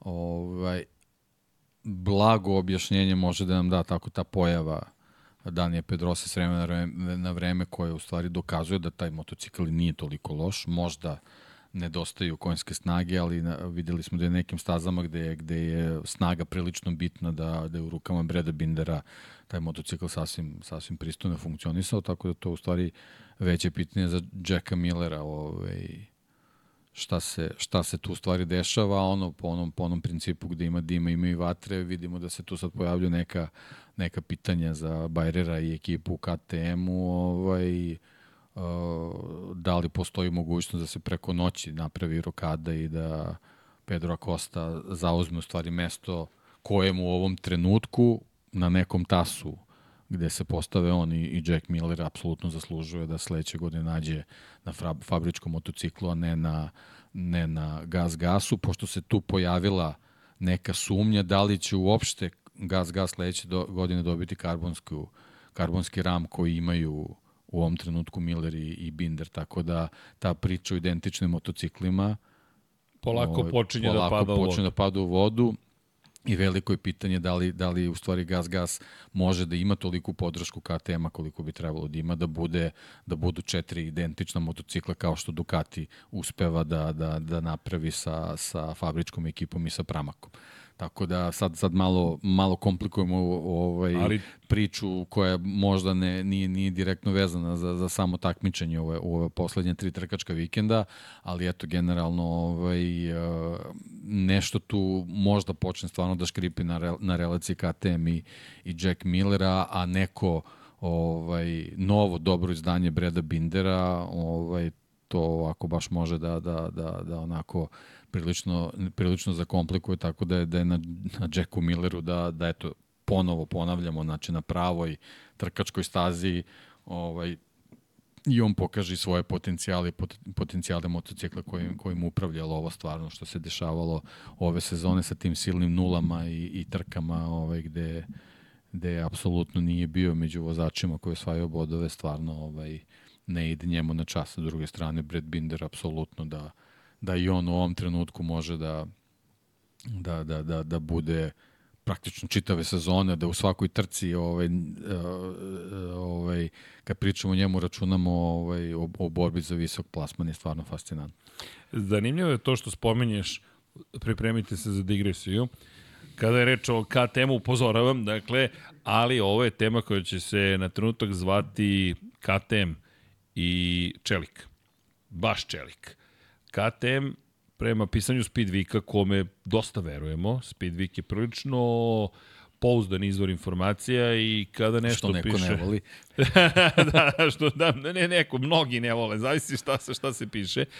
Ali jedna od stvari koje Pete Bayer, zapravo veliki šef KTM-a rekao, jeste da je prelazak na ugljenična vlakna za njih nešto što je još uvek novo, još uvek ne razumeju u potpunosti prednosti ili mane, to jest o svojstvenosti novog materijala, potrebne su još dve najmanje trke prema, njihovim, prema njegovim rečima da ustanove šta dalje kada je reč o geničnim vlaknima. Potencijal očigledno postoji, međutim, gde, gde postoji začkoljica? Bayer je potvrdio ono što smo godinama govorili. Cilj zapravo KTM-a u Moto Grand Prix je bio da sa čelikom i trelis ramom, dakle to je neki letvasti ram, da ga tako prevedem, naprave zapravo taj iskorak ka tituli, to je ne iskorak, nego da osvoje titulu koristeći čelik. Kada govorimo o tome da je to čelik, verujte, to je vrlo napredna legura čelika. To je čelik koji niko od nas nije držao u rukama, osim ukoliko niste se uhotili za KTM-ov Moto Grand rami, to je to. Dakle, to su legure posebne koje, da, u kojoj osnovi pre svega čelik, međutim, nisu uspeli u tome. I sada prelazak na ugljenična vlakna za KTM predstavlja i neku vrstu poraza, filozofskog poraza, jer godinama su ponavljali vozači KTM-a, to je sada već zaboravljeno, i Paul Espargaro, i Bradley Smith, i ne znam ko još, hajde da pređemo na aluminijum, hajde da pređemo na aluminijum, i KTM je odbijao, i odbijao, i odbijao, i meni deki se čini kao da je prelazak na ugljenična vlakna neko nepriznavanje poraza, nismo prešli na aluminijum, ali smo prešli na neki novi materijal. E sad, gde leži problem? Ako vi kažete, ok, idemo na ugljenična vlakna, nemate priču o čeliku više. I sad Pete Bayer to objašnjava rečima da u nekim ekstremnim situacijama će koristiti ugljenična vlakna, a Moto Grand Prix je ekstremna situacija. Gde nas to dovodi sada? Sada je pitanje da toga upravo što si rekao, da li gas gasu ti daješ ugljenična vlakna. Njegove reči su da on neće silom da nameće, da, da uvodi ta, taj novi ram u novi tim, ali šta je to, koja je to poruka gas gas ekipe? Znate, ovaj ram je bolji, brži, mi ćemo ga dalje razvijeti, ali ga vi nećete videti. A tamo su Pedro Costa, Augusto Fernandez, što mene podsjeća na situaciju Raul Fernandez i čovjek koji je bio spektakularno brzo upravo na testiranjima, Remy Gardner u Superbajku. I mi sad imamo upravo što si rekao, nešto što moram priznati niko od nas, ja nisam ovo očekivao, deki. Ja zaista nisam mislio da će tako uh, brzo doći do toga da su vesti da Gas Gas možda i neće baš biti pa, to što meni treba to da bude. Sa, čisto onako neko, neko preneseno značenje ili neko čitanje između redova da Gas Gas nije Nije, nije, nije taj u tim. istom statusu kao, Tako kao je. i fabrička ekipa, a to nije prvi put da se, da se tek tri ekipi to, to dešava. Da jednostavno u jednom trenutku bude, bude skrajnuta i onda vozači koji se nađu tu u stvari ne dobiju status uh, poput recimo statusa Jorge Martina, to se ti pričao u prošlom podcastu, Jorge Martin nosi badge Ducatije. Jorge Martin Ducatije vozač. Ducati je vozač. Ovom, ovom uh, ovim uh, izjavama koje nisu direktno i eksplicitno ovaj objasnile tu situaciju, ali, ali mi možemo da naslutimo Pedro Costa onda nije u fabričkom timu KTM. Jednostavno ne, ne spada u tu grupu vozača. Da, zanimljivo. Za sad. Zaista. Zaista fascinantno čak za Pedra, pogotovo za Pedra Kostu, to je poruka na nivou, e vidi, mi smo... Ti si jedan od vozača, to je, to je ta poruka. Ja Bukvalno. ne vidim ni, ništa sad... Uh, Ti si u rezervi naše. Da, da, znači I to, to je nije, to. nije to sad neka poruka mi ne računamo na tebe, nego jednostavno ti, sad, ti si došao u našu armiju vozača To je i to. ti si tu jednostavno ono, radiš po, po planu i programu koji tu postoji i to je to. Ti, ti super zvezda, ne, nisi. Ovo nije poruka da. da si ti super zvezda. Koliko god ćemo kasnije pričati o njegovom mirnom putu, potencijalnom ka tituli, on Znači, čovjek trenutno je... najveća, najveći superstar u redovima KTM-a je Jack Miller. Čovjek koji apsolutno ništa ne, ne, ne, ne, ne donosi ekipi, a sa druge strane uzi, uživa status kakav ima u trenutku kad je prešao iz Ducatija u tim. I To od je njega to. se i dalje Tako je. očekuju izjave, promocije, sve Tako ono što je, se dobija. je. Očekuju se rezultati, rezultata još uvijek nema. Poruke su sada ili ja da smršam ili da pojačamo ili oba, ali suštinski nema, ne A, vidimo znaš šta je samo problem? Problem je što, sa, što to, je, to je sad taj... Uh, ta neka nova perspektiva Moto Grand Prix-a. E, još se nisu svi privikli, nismo se ni mi privikli. Svi kažu ovo je prva sezona Jacka Millera, je li tako? Koliko je trka uh. u ovoj sezoni? Uh -huh. Ovo je, ovo, on, je, on je praktično dve sezone izvezao. U najgore slučaju jednu i po. Ako ćemo kilometražu, u najmanju ruku jednu i po, što je opet mnogo. Tako je. Znači, opet naš, mnogo. U, u 2023. govoriti, e pa samo je jedna sezona, nije se još privikao, teško. Isto je priča iz Eneo Bastianinija, od, od povrede kad se, kad se vratio, koliko je imao prilike već trka da vozi. Jeste. To je u, od pre 3-4 sezone, to je pola godine praktično. Već je morao da ovlada ovim motociklom. Pazi, ovo Tako ne je. možemo da svedemo na motocikl. To je motocikl koji će najverovatnije osvojiti titulu. Ti se ne pojavljaš među vodećih pet Tebe nema u tom, tom, tom krugu gde uopšte razmišljamo i ne i Bastianinu. Samo se pitamo da li je završio među vodećih 15 ili nije, da li je osvojio neki poen, što je veliki pad. I onda dolazimo do onoga što si prvo rekao za Martina, gde će biti u kojim bojama. Nije, nije izvesno da, da Ducati ga da, neće kod, prebaciti kod, ne, kod sebe. Postoji, postoji taj neki moment, ja sam to tek skoro čitao, tek, tek su stvari počeli sad da, da priznaju neke stvari. Njemu je jedan deo ramena, ramena smrljen bio ozbiljno teška povreda je bila I, i to sve stoji, ali sa druge strane mi smo stvarno imali u, u nekoj prošlosti vozača koji su sa jako teškim povredama izlazili na stazu i barem uh, na, na trenutak prikazivali svoj talent i svoju brz, brzinu. Mi od ne od trenutka kad se vratio na stazu apsolutno ništa nismo videli od njegovog talenta. Nema čak I, i to, to u stvari zabrinjava, da. Nema ni ne postoji, postoji jedan najbrži krug negde čini mi se da je bilo Indonezija. Da, prvi ja mislim da je Indonezija. Evo sad da. ću ti reći, to je jedina svetla tačka za koju možemo da se uhvatimo, kažemo, ok, nešto se desilo pozitivno. Da, Indonezija. Najbrži krug. I to, je, to je to. to. to je Bukvalno to. to je to. Ali ima tu još jedna stvar. Kada je reč o generalnoj Enei Bastianiniju, izabrao je da ide prirodnim putem. Dakle, ako je znao da je smrskano rame, da je na taj način, ja ne znam kako Tek možeš... Tek sad kažem, evo ja sam skoro da čitao da su oni stvari počeli priznaju da to je izuzetno teška povreda bila. Ali, znači ona je verovatno zahtevala neki... Rekonstruktivnu neku neki, hirurgiju, da, nešto. Da je to, nazovemo, radikalni oporavak, jer ti si jednostavno ok, možeš ti da biraš te neke prirodne putevi i to sve, ali ti si jednostavno profesionalac koji se nalazi u tom, tom šampionatu i stvarno moraš da daš sve od sebe i da, i da pokažeš volju da, da želiš to pre da se vratiš na stazu. Sve u svemu, Ne znam kako smo došli do njega o, pa, sa KTM, ali okay. da, da, to su te lepe priče da, koje se ispletu, okay. ali pa ko je da. superstar, da. ko nije. Nemojte se iznenaditi ukoliko Ducati i ukoliko Martin osvoji titulu bude ponovo sa crvenim brojem 1, prosto to vam je mogućnost koja je vrlo... Ali nemojte se iznenaditi da ostane ljubičast. Ne, nemojte se da. iznenaditi. Da, to isto nije nemoguće. To je sada pitanje za, za celu ekipu Pramaka kako I da... za Alberta Valero, ja ga stalno potenciram. Zato što je Albert e, Valero u priči o Pedro Kosti. Znaš, ja to stalno potenciram. E, upravo iz tog razloga. Znaš ko je na Baliju sa Martinom? Valera. ba, se nadam da su skovali neki dobar plan generalno, ali vidi. Ne, ne, baš, baš što se tiče i Akosta i Martina, menadžerski tim mora da bude mnogo agresivniji. Ja, ja te pitam, kad smo već tu još uvek, ajde da, da, da, da, da zatvorimo za sada ovo pitanje KTM-a. KTM tom izjavom da bi mogao paralelno, pošto je to Bayer rekao Speedweeku, kome i tekako verujemo, Speedweek ponavljamo, de facto je glasilo Red Bulla, koji je najveći sponsor austrijska kompanija, ima veze vrlo ozbiljne u KTM-u, Bayer je rekao da postoji mogućnost da oni nastave da razvijaju paralelno i šasiju, to jest RAM čelični i RAM od ugljeničnih vlakana.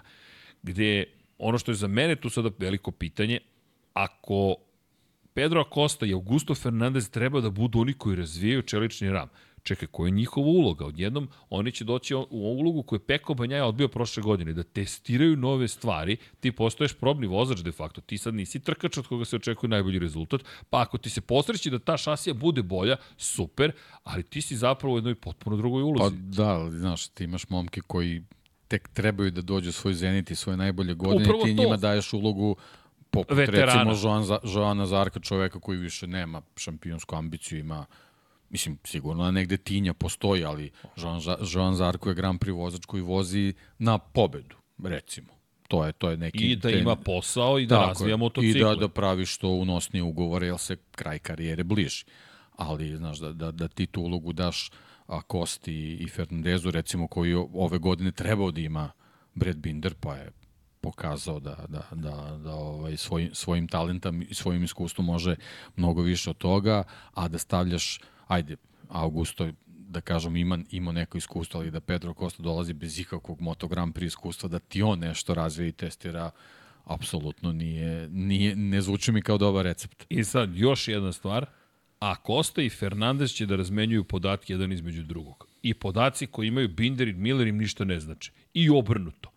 I sad, ako Acosta i Fernandez budu, na primjer, nekim čudom brži, i ti sad imaš čelični ram, koje podatke ti daješ fabričkom timu. Ne daješ nikakav, ne, ti podaci ničemu ne služe. Jer jednostavno potpuno druge materijale koristi. Potpuno bizarna situacija, ali ok, KTM je krenuo nekim svojim putem, pa ajde da vidimo šta će Kaže, meni, meni je u toj nekoj perspektivi naše, ono, da kažemo, ovaj, gledalačke priče vezano za šampionat potpuno ovaj, neshvatljivo da, da tako neki, neki superstar vozači naravno kao Pedro Costa, ali kao Augusto Fernandez koji je pokazao Tavor i kao što je bio Remy Gardner ili Raul Fernandez, jednostavno ne, ne, ne dobijaju ako ništa drugo, drugo da to nazovemo marketinšku priliku da, da, da, da, da, da budu u nekom prvom planu i da u stvari vidimo s čim oni raspolažu ili da li stvarno na njih možemo da računamo u budućnosti kao neke momke koji, koji trebaju da dođu ovaj, po neka sve, svetla reflektora da budu svetski šampioni. Ovako, Evo. teško. Evo, tražim upravo, moram ti priznati, rezultate testa sa svetskom šampionatu u Superbajku. Zašto? S obzirom na činjenicu da smo imali priliku da vidimo zapravo vrlo, vrlo zanimljive rezultate. Dakle, možemo da se dotaknemo samo na kratko Andreja Janone.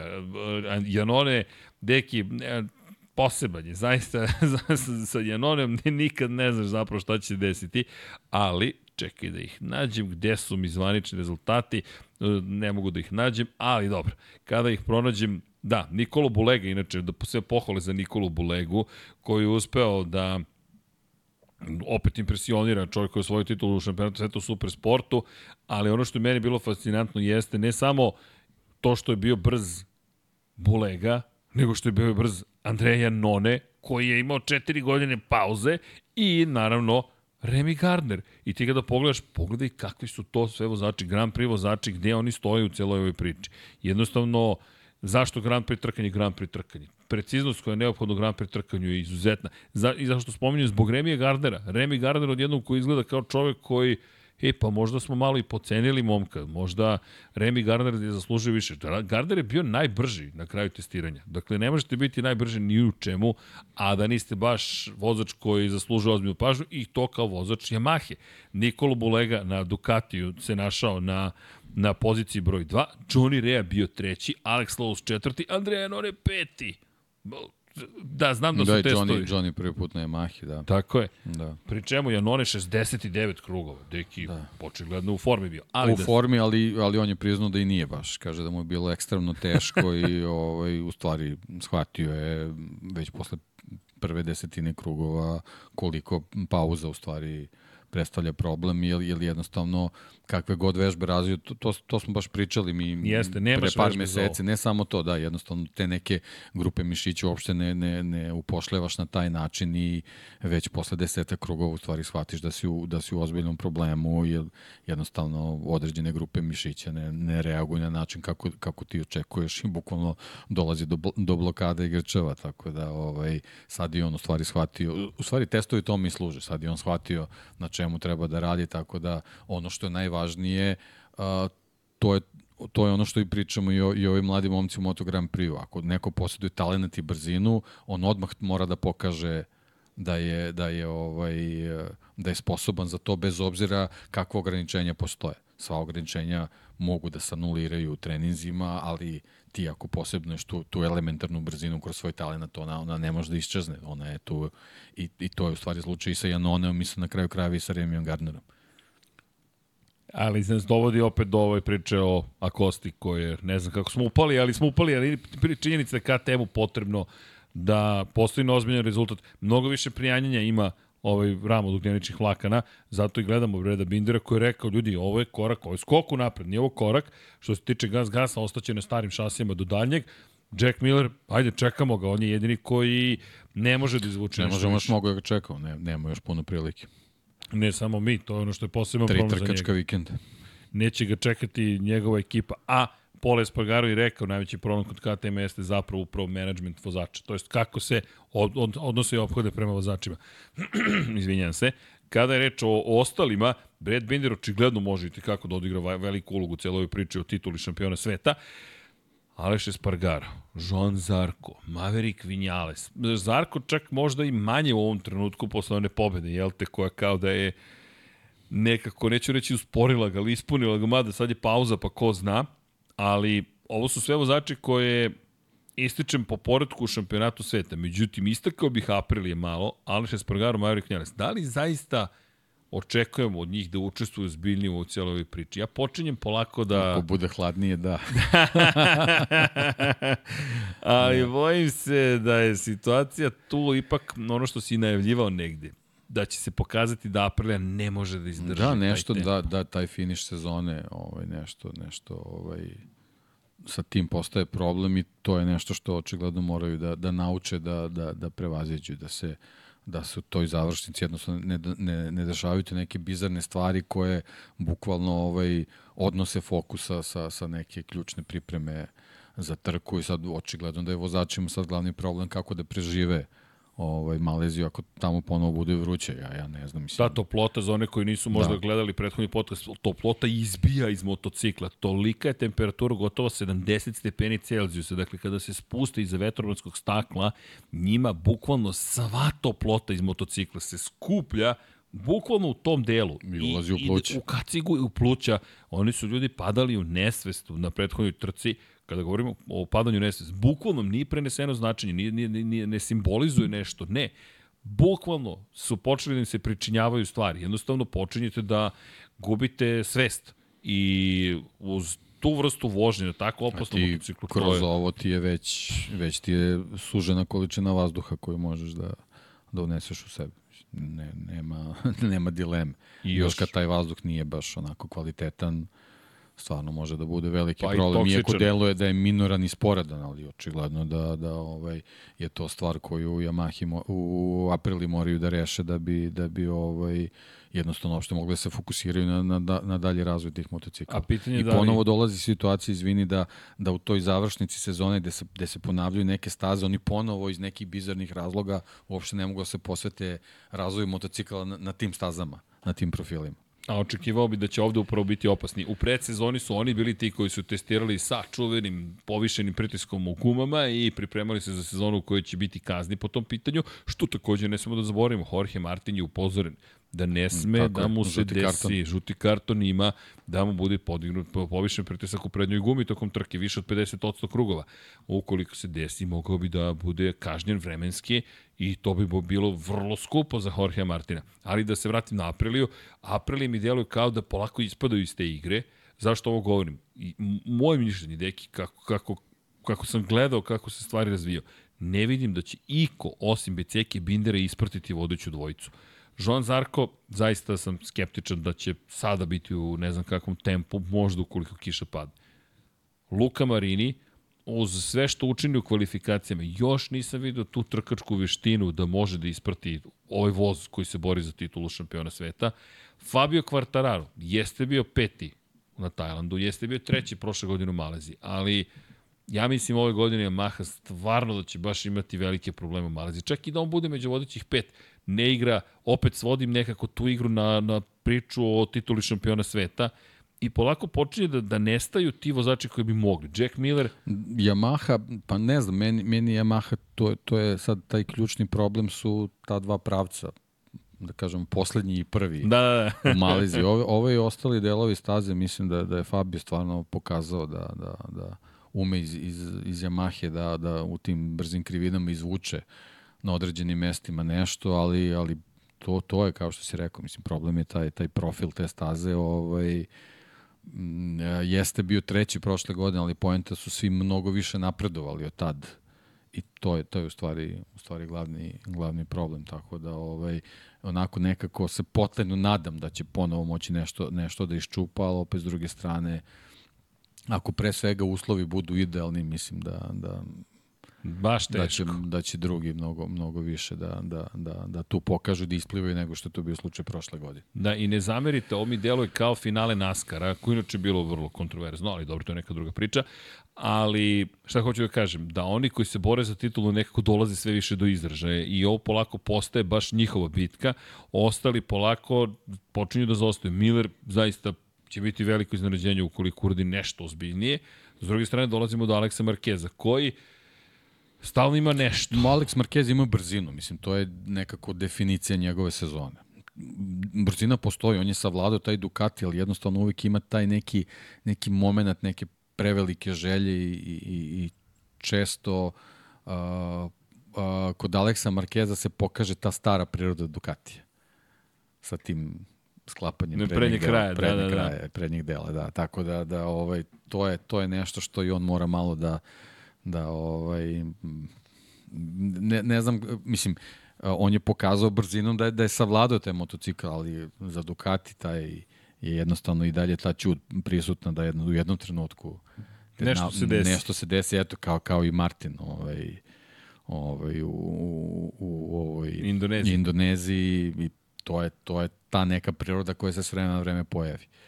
Tako da, ovaj, ono što, eto, što je pozitivno kod njega, to je da posjeduje brzinu. Zašto ne može da je, da je materializuje, e, sad to je, to je u stvari najviše ovaj, pitanje za njega. Da, inače, kada pričamo o Aleksu Markezu na prethodnoj trci, isto bi ubeđen da uz izbor gume napravio pravi izbor, a ne rizičan. On je išao na srednje tvrde gume pozadi i kada je pao, samo je rekao, moja greška, ljudi, ja sam taj koji je, koji je jurio, ali stalno ima taj neki moment, mala greška, jedna situacija, stalno mu nešto nedostaje. Njega jedinog zaista ne znam gde bih ovde svrstao, deluje mi da on može da, da bude taj koji, koji zajedno sa Fabijom Diđan Antonijom, klubskim kolegom, možda može da se u negde sad ubaci u cijelu priču i da, da, da odigra neku ulogu. Sumnjam, ali gledajući šta ko sve je na tabeli ko bi gde mogao da bude, to mi deluje kao vozači od kojih nešto može da se očekuje. Ne mogu čak ni Hondine vozače da uključim. Mark Marquez, koliko god je dobar, deluje mi deki da on ima brzinu za prvih par krugova i to je to. Dakle, posle toga, da. tačno vidiš kako gume počinju da čine svoje, kako on gubi brzinu, kako polako tone, kako ih nema. I drugo, često prave greške po pitanju izbora pneumatika. Oni ne znaju, zapravo nisu kao prethodnih godina sigurni u svoj Tako izbor. je. Nego može da bude, ne mora da znači. Da, a više nisu sad ni, ni sigurni da li smeju toliko da rizikuju, pošto rizik se na Hondi apsolutno ne isplati. Skup oceni. Jeste. Baš je skup. Tako da to, to, to je problem. Najgore je ako se pojavio taj strah. Pa deluje I da se onda- pojavio. Onda, ovaj, Šta je rekao Marquez? Moram da vratim samopouzdanje. da. Pazi, to je Mark Marquez, jedan od najhrabrijih vozača koje smo gledali. Joan Mir, ne znam ni šta kaže za Joana Mira. Čovjek je 12. bio u prethodne dve trke koje je završio je bio 12. dva puta i između toga dva puta padao. I da, opet za njega je, priča. ono, absurdno je što je za njega uspeh da završi trku. To, Deki. je, to je baš poražavajuće. Slušaj ovo. Pad, pad, pad, pad, pad, pad, pad, pad. Osam padova u glavnim trkama. Pored toga, 17. pozicija. Kao kapi kiše kad padaju. Bukvalno, pazi, bukvalno, kap, kap, kap. Pazi, s- 17. u Kataloniji nije startovao u Argentini, u Italiji, to je u Muđelu, i pored toga, 12. 12. 11. i jednom peti. To je svetski šampion, bez obzira što ima jednu pobedu u karijeri u ovoj klasi, to je svetski šampion. Ne postoje bukvalno Honda. Ako pogledaš Takaki Nakagami, on je najbolji vozač tako što završava trke čovek. Kako god zna i ume, Takaki Nakagami dođe do cilja. I čestitke na tome, ne, čak se ni ne smijem, ja stvarno mu čestitam na tome. I onda dođeš na raznorazne zamene, Aleksa Rinsa nema već Da, i nažalost potvrđeno Predugo? da ga neće biti Da, da, sledeće dve trke, da, da je ta povreda baš... Eto, ispostavilo se, Enea Bastianini, Alex, Alex Rins. Rins, baš su teške povrede, Paul Espargaro, imali smo stvarno ovaj sezonu sa te, jako teškim povredama. Pa Mir je imao. I Mir, da. povredu koja da. nije bila toliko ozbiljna kao da. njihove, ali je bila vrlo Da, ozbiljna. ali je, ali je na prvi pogled delovalo da nije strašno, međutim se ispostavilo da, da, Jest. da iziskuje pauzu, tako da ono, osakaćena sezona i, i dalje se nastavlja. Ovaj, Jednostavno nećemo uspeti da kompletiramo trku sa, sa, sa celim gridom. Da, nevjerojatno, možda u Valenciji. Pa, možda nam se posreći da. u Valenciji, to tako što će Alex Rins da odveze počasno, počasnu trku za Lučića Kinarisa. Kakva, to je tek bizarna situacija. U prve tri trke jedna pobjeda, dva odustajanja posle toga je onda pad taj u Muđelu, i onda jedna trka koju je završio u Indoneziji kada je bio deveti, ali i dalje se oporavlja od posledica tog pada u Muđelu. Strašno. Honda, zaista ne, iz kakvih da, god eto, vidiš, to, to sad, sad to što si spomenuo, on se vratio i bio je deveti. Znači, nikad nećemo saznati da li je Alex Rins u stvari pravi vozač za Honda. Za Honda. I šteta što Marquez nije ranije odlučio da ode iz Repsol, znamo ko bi bio sada na tom Repsolu. I to je rekao Rins, da sam znao, ostao bih. Jer deluje da njemu da. tu nešto odgovara. Kao što je i John Mir izjavio da ovaj, kaže, mislim da bi se pokajao kad bih napustio Hondu za 2024.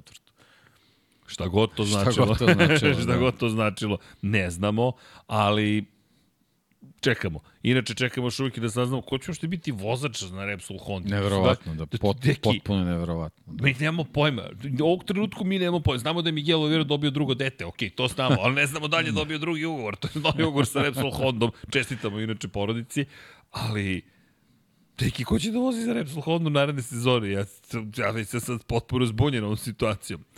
Pritom ta nova sezona je tu iza tu ćoška. Je, samo što nije počela. Ko ti Za 18 vozi, dana počela. Ko ti vozi, bukvalno, čekaj, ko ti vozi... Ko će u Valenciji da bude na drugom motociklu. Tako je. Ko tebi vozi testiranja? Ne, ne, ne, ne razumem, ali čekamo. A inače, umeđu vremenu, Valentino Rossi otišao na četvoro točkaše. Testirao je prototip danas. Jeste, jeste. Tako? Pa da, ruki testovi, on mora da prođe to da bi uopšte mogao da, da konkuriše, dobije licencu da vozi 24 sata Le Mans. To je, to je potpuno normalan ovaj sled dešavanja, a u stvari ovo testiranje pokazuje da je stvarno nameren da vozi 24 sata Le Mana i, i evo, već sam video ove neke komentare ljudi, već počinju da ga kunu, da tako kažem, ne kažem psuju, sad moraju da skupljaju pare za, za Le Mans. Ali teško će naći ovaj ulaznici. Da, ulaznici da. će biti baš, baš zahtevne, ali ljudi, nemojte da ga kurite, idite na Le Mans, upoznaćete jedno novo iskustvo. Ja mislim da je Rossi Pa ne, on, on čovjek je, ne, ne, on njemu treba dati titulu no, za marketinga, direktora, šta, da. direktora marketinga svih takmičenja u kojima on učestvuje. Ima misiju, Zamisli da ako pobedi, ako bude u tu pobedničkom timu. A meni deluje kao takav koji, evo, smeje se vlada. Jel navijaš za Rosija? Ne. Generalno ne, ali, ali, e, to ti je taj direktor marketinga. Kako da ga ne voliš? To je poruka. Ali, ko sve neće otići. I zalepio je čovek kojem je dozvoljeno sve. On je uzeo, napravio plavu boju sa žutim 46 i nalepio na svoj crveno-beli boli, automobil. I kada ga pitaš po kom pravilu, pa hoćete da vozim ili nećete da vozim i to je pravilo s Valentinom Rosijem, ali sve u redu. U svakom slučaju, Rossi da testirao i idite na Le Mans. Mislim da ćete i kada Rossi ne bude više vozio prototipe, vraćati se na Le Mans, jer verujte, samo grad, zgrade da vidite, odišu istoriju. Baš je da, dobro. Da, inače je završila se ova sezona Endurance šampionata, Toyota je, da kažemo, prvi hiper, hiper automobil, ovaj, Šampionski. šampion, da, ali u stvari prava sezona će biti sledeća, ovaj, sa toliko ekipa i toliko timova koji i testiraju da se za, za dve godine uključe, tako da Le Mans se vraća onako na, na velika vrata sa, sa tom velikom grupom automobila. LMGT automobili takođe su otišli u istoriju.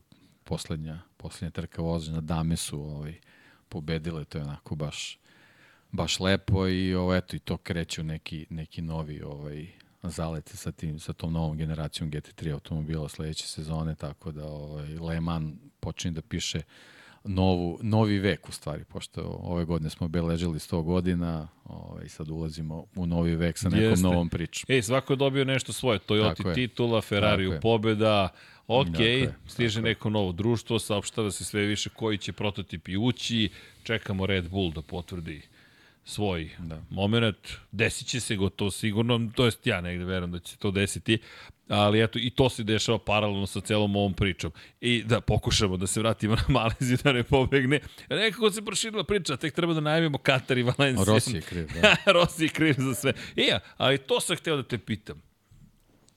Ajde, možda je nepopularno pitanje. I ne tvrdim da će to da se desi, ali ne bih radio svoj posao ukoliko ga ne bih postavio. Marko Beceki, Ne, ne kažemo, na primjer, teoretski, posle Malezije nema više teoretsku šansu da postane šampion sveta. Akademija Vera 46, Luka Marini i ostali, da li se bave time da pokušaju da pomognu Peku Banjaji da odbrani titulu ili ne, ne, nemam nikakav utisak. Iskreno, deluje mi pre da će se baviti svojim trkama, da neće biti nekog plana, ajmo da pomognemo Peku, bez obzira što je drugar i član akademije, ali me zanima da li misliš da bi tu moglo da se nešto pa, Prvo desi. trebaju da stignu Jorge Martin. To je, okay. to je početak. Pošteno, deki, Tako, pošteno. E, onda kada ga stignu, trebaju da drže njegov, njegov ritem 20 kusur okay. krugova. Tako da ako to uspeju da urade, onda svaka čast. I onda da puste pobedu. Nema Tako šanse. da, da. ok, odgovorio si na moje pitanje. Vrlo lepo, znači, pričamo o trenutnoj formi. Trenutna forma. To je to. Trenutna forma. Da. Dobro, znači, ali... za početak stigni Jorge Martin. Pa ga pretekni, pa onda kontroliši njegov tempo. Tako i drži, drži ritam.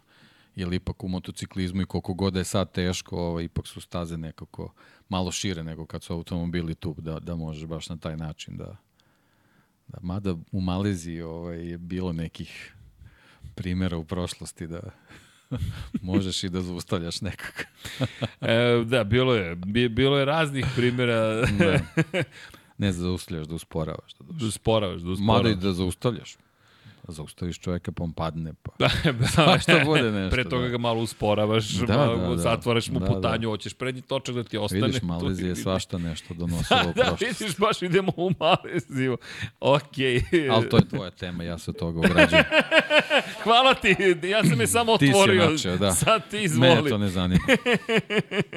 ne, ne, samo postavljam pitanje. Prošle da, da. godine smo videli koliko je Ducati značilo. Ja mislim da se to neće desiti iskreno deluje mi da, pa i lepo si dao odgovor, ali zaista mi deluje da da je ekipa tako, i generalno ta grupa momaka fokusirana zaista na, na svoj uspeh, na svoj napredak, na ono što ih čeka. Konačno kada čuješ pa, Marinija, kako i, hvali Markeza. Jeste, ali kad čuješ i Banjaju koji je rekao, znate šta, meni situacija ne odgovara gde neke moje dobre trke jednostavno svi dobiju podatke, svi. Tako je, tako je, to je to. To, kažem, ono, jednostavno nije, nije situacija na koju su veliki šampioni navikli jednostavno neka, neka podela u garažama treba da bude, a on je ovaj, o, baš pričao suprotno, tako da ne uklapaju se priče da će, ovaj, da će nekog nekog da sputava. Meni zaista deluje da neće toga biti, iskreno. Bukvalno. I na kraju krajeva Stoner je pričao o tome, kako ovaj, management Ducatija baš ne, ne hendluje svoje šampione na, na, na pravi način. U smislu da ih ne neguje. Tako je. Nego da ih tretira, što mi zvuči poznato, da. kao da, da su još jedan vozač da. koji je u... Što vidimo da se u KTM-u Tako je. Jednostavno, to, a to ti to, robna marka da. je na poziciji broj 1, tek onda dolaze vozači. Ali to može da bude skupo zapravo kada pogledaš na duge staze. Pa konačno kako su izgubili Casey Stonera, uporno nisu hteli da ga slušaju. Uporno nisu hteli da ga slušaju. Jednostavno smo stalno imali situaciju u kojoj Casey kaže, ljudi, posle osvojene šampionske titule, pošto je bio tako mlad, on je tako mlad osvojio titulu, ne, ne, ne, Casey, ne, ti to ne znaš kako to funkcioniše, on je 22 godine imao u tom momentu i uporno nisu hteli da ga poslušaju. I to je trajalo do 2010. godine, onda 2011. rekao, e, aj čao, odoh ja u Honda i osvojio titulu iz prvog pokušaja. Prosto to tako uradiš. Odeš i kažeš, ma sve u redu, ljudi. Nema nikakvih problema, ja ću ovo da završim negde drugde. Dobro, tako da eto. To, o, mislim, ovo sad što smo rekli, jednostavno Moto Grand Prix, generalno ta ekipa oko Moto Grand Prix mora da raste. I što se tiče organizacije, i marketinga, i vozača, i, i, i logistike, na kraju krajeva i svega, jednostavno moraju zajedno da rastu. Ono, to je dug i komplikovan put. Mislim da to ne može tako baš preko noći da bude na kraju krajeva i ovo sad što se dešava vezano za same trke deluje kao da je neka uh, neka erupcija, neka eksplozija ovaj, trenutna, ali ti si i najbolji svedok, to traje već, već decenije, nije, nije to baš tako jednostavno. Inače, kada govorimo o tome da se razvijaš sa ekipama i da rasteš i da se doživljavaju neke stvari koje, to je da, da zajedno stvarate neke odnose, zanimljiva mi je i priča o Toparku Razgatlioglu i odbijanju Yamahi da mu dozvoli zapravo da testira BMW pre nego što dođe decembarski test, dakle, kako se vratimo kroz istoriju, poslednji put kada smo čuli tako nešto, desilo se sa Hondom i Valentinom Rosijem. I to je takav razlaz bio da je Honda zabranila Rosiju do 31. decembra 2003. te godine, da sedne na bilo koji drugi motocikl. 1. januara 2004. Ono što je bila razlika što ste mogli da testirate manje više, ne baš koliko želite, ali mnogo više nego sada, što je 1. januara već krenulo testiranje sa Yamahom Da. kod razglati oglova.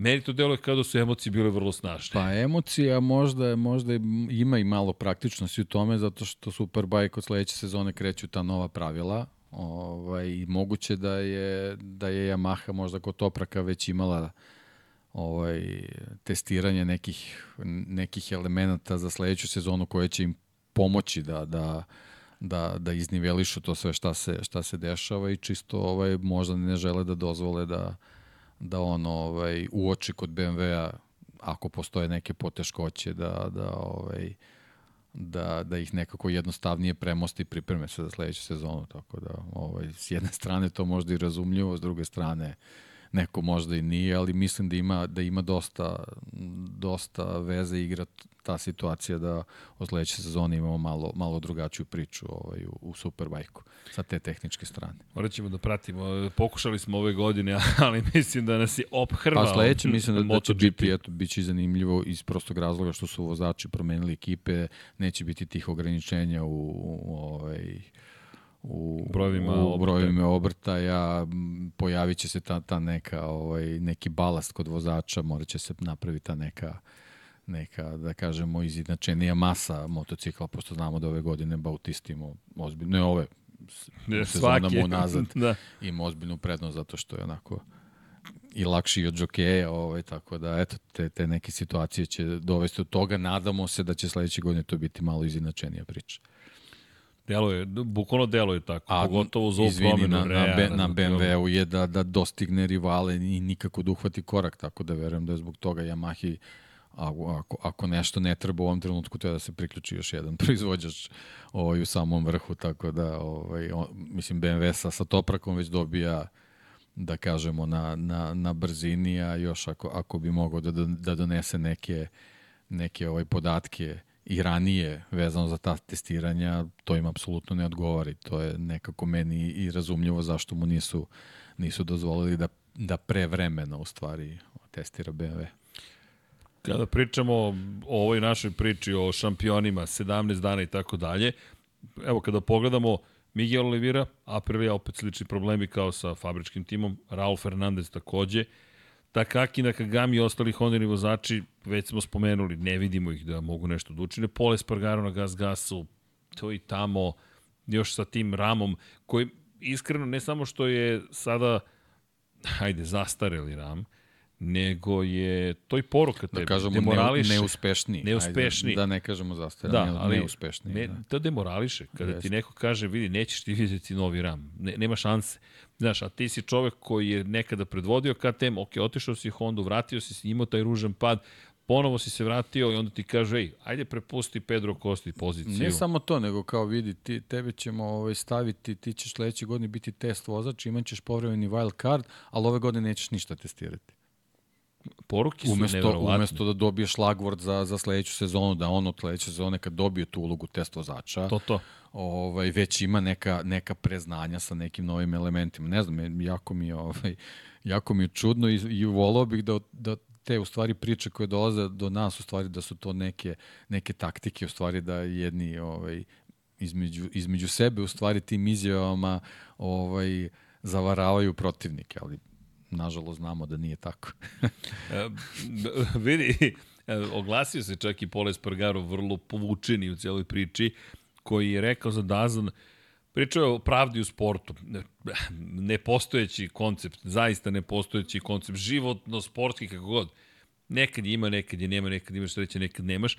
Ali šta je rekao? Rekao je, postoji vozač u ekipi koji pobedi sve ostale, ali vi ne znate da li zbog talenta ili zato što ima najbolji motocikl, pošto se ispostavilo da KTM baš i ne deli delove kako je to zvučalo na početku sezone, što su dosta isticali prošle godine i Raul Fernandez i isticao je Remy Gardner, ali džaba, ti si u teh tri ekipi u malom timu.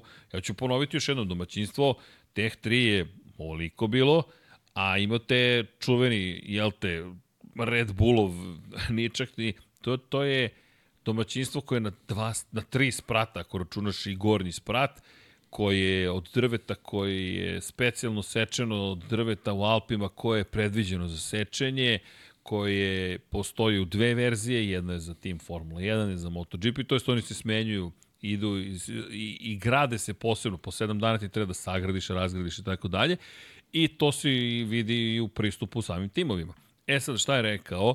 Rekao je, ukoliko vi nemate taj motocikl, jednostavno nećete moći da pobedite. Međutim, u situaciji u kojoj se ja nalazim, u kojoj fabrika želi da se razvija kroz saradnju sa mladim talentima, talentima kao što je Pedro Costa, mislim da smo mogli da izbegnemo tu situaciju u kontekstu toga da ne želi da kritikuje fabriku za koju radi i koja ga plaća, i, ali kada pogledaš kako su mogli ovo da reše, mnogo toga su uradili na pogrešan način. I ti kada demorališeš čoveka, kao što je ova situacija, kao što je situacija prošle sezone.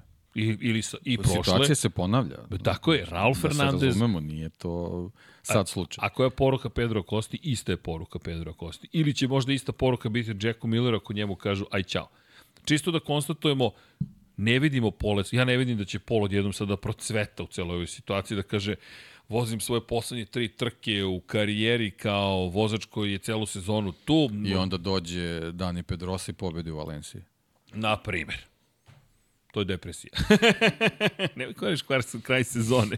Ali imaš i onda i Augusta Fernandeza. Samo hoću da kažem, ja, deki, od cele priče to neko će se umešati. Zaista ne vidim nikoga ko može u ovoj priči da se umeša. Martin je na vanzemaljskom nivou. Peko prati taj nivo mudro, mudro, koristi sve svoje šanse. Beceki bit će tu i, do, i dobijamo Bindera. Jedini ko mislim da može da se tu pojavi dok Aprilia ne reči svoje probleme je Fabio Quartararo, za koga nemam pojma šta da mislim. Stvarno, iskreno nemam predstavu šta da mislim.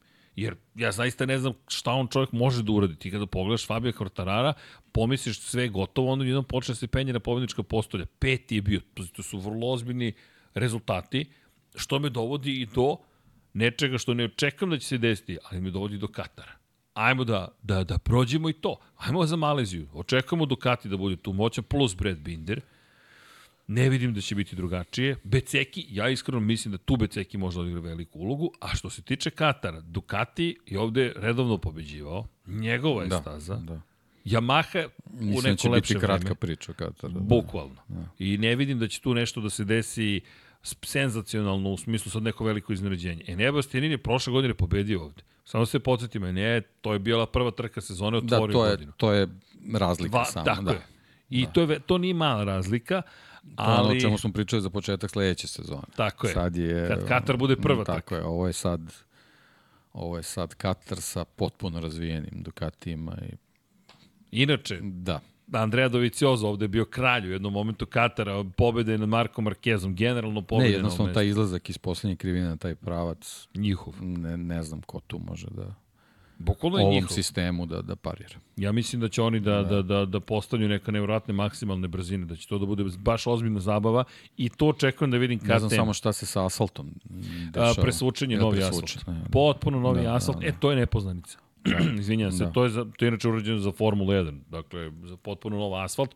Videli smo kako uticao na Formulu 1, jedva preživeše trku i to su imali tri stajanja obavezna, međutim, to je super brza staza, mislim da će biti još brza, da će biti više prijanja i naravno standardna priča o pesku, hoće li očistiti stazu ili ne, ali to će se, petak u Kataru, najavit ćemo ga mi posebno i sledeće nedelje, ali samo kratko, petak u Kataru, kada je prljava staza, kada ti moraš da budeš super precizan, ako Peko to ne reši u Maleziji, baš će biti u problemu. Mislim će u Kataru čak biti u najvećem problemu, jer je to zaista prdeva staza koja je sve brže i brže kako protiču dani. I onda dolazimo do čak mesta gde nije baš bio toliko dobar, ali kao što si rekao, drugačija situacija, razvijen motocikl i opet mislim da su to ta četiri vozača koji se izdvajaju. Nisam siguran da će to biti Becova staza, jeste brza, ali mi nekako Malezija više miriše na Beceke, kao da će Škorpion tu da bude opasan. U Kataru iskreno mislim da će Martin biti najopasniji. Nešto mi, seti se, gde je Martin osvojio svoju prvu pol poziciju u pa drugoj trci u karijeri. Gde nam je, gde nam je ovaj, se pojavio fokus startom u Kataru. U ta, i, Sećaš se? I, da, kako kao, ne? Kao projektil. I pol pozicijom u drugoj trci u karijeri. U prvoj trci u karijeri, izbije čovjek. Je bio prvi u prvoj? Ja mislim da nešto. da, čak poveo na trenutak. Da, vraćali su taj snimak onako iz vazduha. tako je, tako je, tako je. I, i podsjetio na Zarka, na Monster Tech 3 Yamahi, da. koji povedao u svojoj prvoj trci u karijeri. Ali već 7 dana kasnije, velika nagrada zapravo, kako se zvaše? Velika nagrada smo imali Bahre, velika nagrada Losaila, velika nagrada Lusaila, izvinjam se, promenjen je naziv i pol pozicije za Jorge Martina. Druga trka u karijeri. Tako da mi Katar deluje kao njegov. I onda dolazimo do Valencije, da sad ne, ne pravimo od Katara, inače pobednici na ovom mestu, Enea Bastianini, Maverick Vinales, Andrea Dovizioso, Maverick Vinales, Jorge Lorenzo, Valentino Rossi, Mark Marquez. Dakle, u novijoj istoriji samo su Bastianini i Vinales pobeđivali na ovom mestu. Niko drugi, mislim da je potpuno otvoreno. U nižim kategorijama, kada Mislim, pogledaš... tu možemo, izvini, Naravno. ono, mislim, pričamo kroz šalu, ali tu možemo da računamo na april, jer, jer taj trenutni najveći problem neće postojati. E, zato što vozimo uveče, trebalo Mislim, bi da bude niža postojati, temperatura. bit će verovatno ovaj, manji, zato što ovaj, ovaj problem uh, se je, je postao ekstreman kad su postale ekstremne temperature. Jeste. Tad ne bi trebalo da budu ekstremne tem, temperature, tako da ovaj, nadam se da, da će oni u stvari pokazati i tu neki svoj potencijal, a posebno Maverick Vinales. A pazi Konačno. ovo, znaš ko je pobedio 2018. godine u Moto3 i Moto2 klasi? 18. Evo, po, imaš jedno pravo da pogodiš. U Moto3. 18. Da. sad si me... Moto3. Da, Ko je svoju da. titulu? Martin. Da. Ko je da, svoju da, titulu da. Moto2 da, pa da, njaja? Da, Njih, da, pazi, da, njih da, dvojica da, su još da. pobedili te godine. Da. Dobro, to je to je onako baš daleko, ali... Ne, ne, ne, ovaj, ali hoću ti kažem, to je šampionska godina bila. Da, da, jasno, u Kataru jasno. su pobeđivali, u Maleziji Jasno, su jasno. pobeđivali svojim šampionskim godinama. Još jedna staza na kojoj su pobeđivali svojim šampionskim godinama. I onda dođeš na treću stazu koju posećujemo, a to je Valencija. Kako izgleda kako izgledaju rezultati u Valenciji. Dakle, kada govorimo o prethodnih nekoliko sezona, sećate poslednje trke Valentina Rosija i šta se dešavalo u Valenciji. Ko je pobedio kada je reč o, o, o velikoj nagradi Valencije? Pobedio je Francesco Bio Banjaje, je li tako? Ko je pobedio prošle godine na motociklu koji više ne postoji? Alex Rins na Suzuki-u. Međutim, kada se vratimo na, na, na priču o tome ko je pobeđivao, Banja je ovde odvezao svoju veliku trku kojom je započeo zapravo bitku za titulu šampiona sveta. Moje mišljenje to počinje odlaskom u penziju Valentina Rosija. I iz te perspektive kada pogledaš, lep dan je to bio za Banjaju. Sa Ke Spetakolo je pobedio Kacigom, taj spektakolo smo imali pre 8 dana, pa čisto da se podsjetimo Valencije i ispraćaj Valentina Rosija. Da, i bilo bi lepo da spektakulo bude u. Valenciji ponovo. Da. tako je, tako da. je, tako je. Inače, na ovom mestu, kada govorimo o nižim kategorijama, Jorge Martin 2017. pobedio ovde, ali eto, Banja ima pobedu u Moto Grand Prix kategoriji, inače ovde su pobeđivali i Franco Morbidelli i Mark Marquez u novoj istoriji, a pre toga Andrea Dovizioso, Dani Pedrosa i tako dalje. Ne vidim Morbidelli kako pobeđuje ili Yamaha, ne vidim Rinsa da će se oporaviti odjednom i biti toliko brz kao što bi mogao biti brz, Pa ja verujem da, da, da Rins računa da se vrati u Valenciji čisto bi se spremio za ponedeljak. Bukvalno.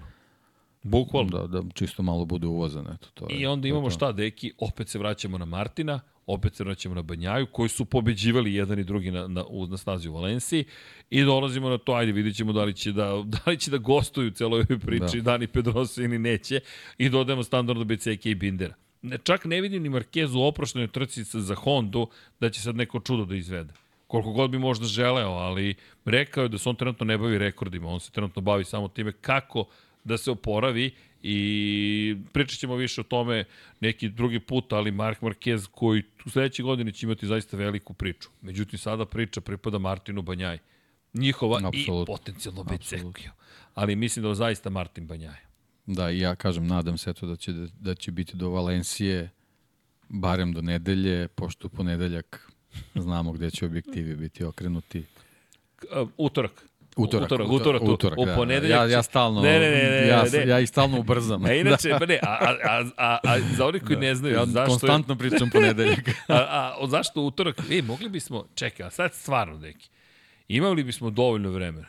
Završimo sezonu i spakujemo se, uradimo podcast Formula 1 i Moto Grand Prix u nedelju live, Lu, znači ono, triple doza, pogotovo, ne, Moto Grand Prix, ako bude se odlučio titul, mora da ima svoj, svoj podcast, definitivno. Da.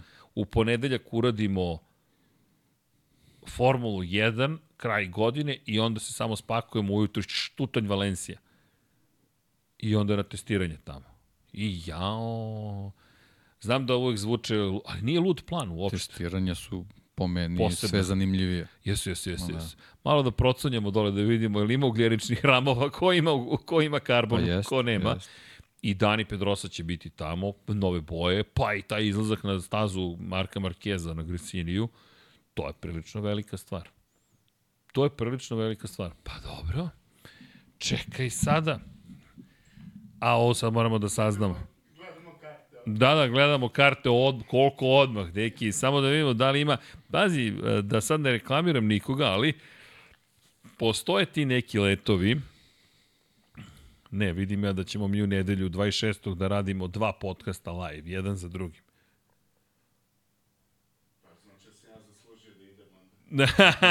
da kaže, znači potreban je čovjek u Valenciji samim tim. Čekaj da vidimo, krećemo iz Beograda, Belgrade, destination Valencija, pa bojim se da nema više Valencije. Dobro, ne dopada mi se ovo. Dobro, može do Barcelone, pazi. Može do Barcelone. Jao, znaš šta, Barcelona ima ove letove, sad ću ti kažem, ček da vidimo. Barcelona zna da ima večernji let, pa taman do Valencije jutarnji vozić, Čuču. To nije daleko. Nije daleko. A Renfe je tu, tako da. Da, Renfe lepo funkcioniše. Pazi, u ponedeljak se odleti za Barcelonu uveče i onda se vata voz za Valenciju. To bi skroz moglo da se uradi. Dobro, neki nastavit ćemo ovo sada van. I, iza kolisa ćemo nastaviti ove planove. Hmm. Hmm. Dopada mi se ovo, ovo razmišljanje. 19.30 ponedeljak. Ali to znači da bismo morali da snimimo podcast Formule 1. Ne, uradimo sve u nedelju. Pa, da. ne znam kad su trke. Valencija je preko dana, pa u tri, i, u tri i ovo je počinje, preko dana isto. Pa, u da. dva počinje, Formula 1 u tri počinje ovo, završava se oko 4-5, da kažemo MotoGP u 6 i u 9 Formula 1. Moramo da, da ako misliš da će MotoGP traje 3 sata, ali čisto sumnjam, tako da precrtaj znači, u to. 10 Formula 1. Precrtaj to. Da. Ili da počnemo u 5, znaš, kao počnemo u 5, pa onda u 9. Pa dobro, to bi bilo izvodljivo. Ko, mi brzo pričamo. Da nama uvod čoveče za, za, za, za, bez informacija traje dva sata. A zamisli kad budemo imali trku, pri čemu nadam se zaista da će se odlučivati posljednjih dana sezone.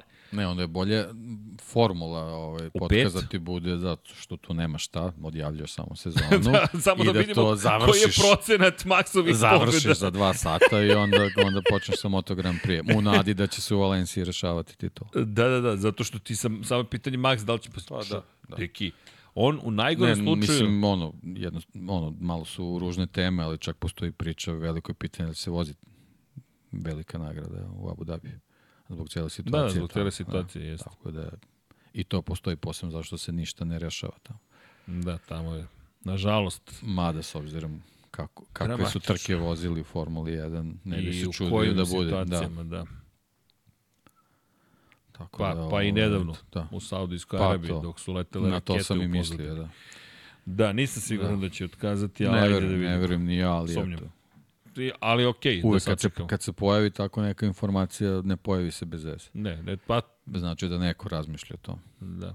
Ali ajde, kada gledamo u lepše teme, Da. Max koji juče, osam, trenutno ima 85% uspešnosti, uspešnosti u formuli. Da. To je na nivou besmisla. Zaista, to čak ni, ni, ni, ni, ni Schumacher, ni Hamilton nisu, nisu, nisu imali. 85 od Posebno svojim brojem trka, da. Da, da, da, da, zaista neverovatno. Ti gledaš čoveka i sad, ko, šta je sledeća stanica? 17 od 20, može da bude 19 od 22. On u najgorem slučaju će imati 77 od koma, ne znam koliko od, od uspešnosti. To je odnos pobjeda i trka u jednoj sezoni. Fascinantno. Da, znam, bolid, sve u redu, ali ljudi nije dovoljno pa, bolid. Uvek je neko ima dobar bolid. Tako je. Kad vratimo priču kroz istoriju. Ali moraš ti da ovo uradiš. Stvarno moraš Tako ovo je. da uradiš. Dobro, i Ferrari, da završi krug za zagrevanje. Ne, ono je juče, ako stoji mi i radiš, da li je realno? Dakle, ne, već se šale, kao da... Hello darkness, my old friend. ne, šal koji pita zašto, zašto... pa ne, stvarno, Pa, baš ti ga bude žao, stvarno. Pa sad je već na nivou, bu- bukvalno ti bude žao da kažeš čekaj, čime je ovaj čovjek ovo zaslužio? Ali zaista čime je ovo Mislim zaslužio? samo da kod njih ne, ne postoje procedure koje, Tako koje je. su potrebne. Za tako veliku ekipu, tako za je, ekipu tako koja je. nema probleme sa resursima, za ekipu koja zaista na raspolaganju može da ima šta god želi praktično, stvarno ne treba da bude tvrdoglave. To je. Bukvalno. Znaš, je mogu da razumem, da, ajde, mogu da razumem sledeće, a to je da, da kažeš Haas, to je jedan mali tim ko novi pokušava, ne, ne, nisu to ti budžeti, nemaju te resurse. Ferrari ima sve što mu je neophodno za uspeh. Znači, ne mogu da nađem, pa ni za Haas ne možeš da nađeš baš neko opravdanje o, kada je reč o procedurama, ali Ferrari zaista ne, nema mogućnosti tako nešto. Se konačno neka pogledaju do Ducati. Kako je jedan tim koji je vrlo podsjećao na Ferrari, došao do toga da je sada uzor svima. I zašto je Ferrari nekada bio uzor i kako je prestao da bude uzor. To isto do, to pitanje za Ferrari. Kako možeš da izgubiš tu poziciju koju si imao, da dozvoliš sebi da ispustiš to što si stekao, što si ozbiljnim radom stvorio. Jean Todt, Miodrag Kotor, cela ta ekipa, ti si sve to stvorio i onda pustiš nekako da ide. Ali okej, to je neka, neka druga tema. U svakom slučaju, deki, kada pogledaš i Valenciju, sve ovo što nam sledi baš će biti žestoko. Naravno ćemo mi ispratiti sve trke, svih šest trka, sprint pre svega u Maleziji, poslednje jutarnje trke, isto to da podsjetimo. Malezija, samo da vam kažem tačno kada počinje program. Dakle, program kreće od, do, do, do, do šta kaže kalendar. Hmm, samo da vidimo gde je tačno prvi trening. Opet je nešto vrlo rano, ali posle toga malo više spavanja. Da vidimo. Četvrtak, petak, evo ga, petak, u 2.00 počinje trening broj 1, u 3, to je 2.50 trening broj 1 Moto dvojki, dakle Moto 3, Moto 2, 3.45 Moto Grand Prix, pa u 6.15 trening broj 2 Moto trojki, 7.05 Moto dvojke, 8.00 zvanični trening Moto Grand Prix kategorije, to je petak. Subota u 1.40 počinje trening broj 3 za Moto 3 klasu, u 2.25 za Moto dvojke, u 3 časa i 10 minuta trening broj 2 za Moto Grand Prix, uvijek me zbuni to što je ovo Moto trening 3, ovo trening broj 2. Zatim kvalifikacije Moto Grand Prix od 3 časa 50 minuta, od 5.50 kvalifikacije Moto trojki, od 6.45 Moto dvojki i u 8.00 trka Moto Grand Prix klase, 10 krugova za sprint u Maleziji. Prvi u istoriji. U 3.40 u nedelju za jutarnje zagrevanje za Moto Grand Prix kategoriju, zatim parada, pa od 5.00 prva trka, 15 krugova, Moto 3 klasa, u 6 časova i 15 minuta 17 krugova Moto 2 klasa i od 8.00 20 krugova Moto Grand Prix kategorija. To je pogled na Maleziju, kada je reč o Kataru, tu su već drugačije satnice, Katar će se voziti po noći, po lokalnom vremenu, kada je reč o Moto Grand Prix, trebalo bi Moto dvojka, krećemo 12, dakle u podne krećemo sa treningom Moto 3, pa odmah 20, 12.50 Moto 2, 13.45 Moto Grand Prix, od 16.15 trening broj 2 počinje Moto trojki, 17.05 Moto 2, 18.00 Moto Grand Prix. U subotu, ajde, skratit ću da ubrzam, 11.30 početak programa, kvalifikacija inače Moto Grand Prix u 13.40, U 13 časova je trening broj 2, ne mogu da skratim. Moto dvojki 12 i 15 i onda kvalifikacije Moto trojki 15.50 u 16.45 Moto 2 klasi i 18.00 sprint za veliku nagradu Katara. Od 13.40 ide jutarnji trening, to je zagrevanje za kraljevsku kategoriju, pa parada od 15.00 trka Moto 3, od 16.15 trka Moto 2 i od 18.00 Moto Grand Prix. I ostaje nam naravno taj poslednji trkački vikend gde će se preklopiti sve sa Formulom 1 kada je reč o kraljevskoj klasi, to je trci kraljevske klase poslednjoj ove sezone. Neverovatno, ali istinito pet puta sam proveravao da li sam pogrešio, na moju žalost nisam. U 9.00 standardno Moto trojke, 9.50 Moto 2, 10.45 Moto Grand Prix, 13.15 13 Moto trojke trening 2, 14.05 Moto dvojke i u 15.00 trening Moto Grand Prix klase. U subotu 8.40 Moto trojke, 9.25 Moto dvojke, 10.10 Moto Grand Prix, trening broj 2, zatim kvalifikaciju 10 i 50, pa potom 12.50 Moto trojke, kvalifikacije 13.45 Moto dvojke, kvalifikacije sprint od 15.00. U nedelju jutarnji trening u 10.40 pomeren Valencije je vrlo maglovito u jutarnjim časovima, a 26. je novembar, ljudi, to će da sviće ne znam nija kada, moram da proverim. Sunrise Valencija 26. novembar, baš me zanima kada sviće, u 7.57, dakle se pojavljaju prvi zraci sunca, a, kada je reč o sunset, da vidimo samo kako će to biti, u 17.40 zalazi sunce, dakle imamo malo vremena, dakle u 10.40 jutarnji trening, pa ide parada, vozači izlaze malo na kamion da se druže, 12.00 trka Moto3 klase, 13.15 trka Moto2 klase, 15.00 trka Moto Grand Prix, a Formula 1 kreće u 14.00. I trajaće u momentu kada počne veliko finale Moto Grand Prix. U životu to nisam vidio, deki. Ne pamtim. Fascinantno kako su se ove godine dezorganizovali.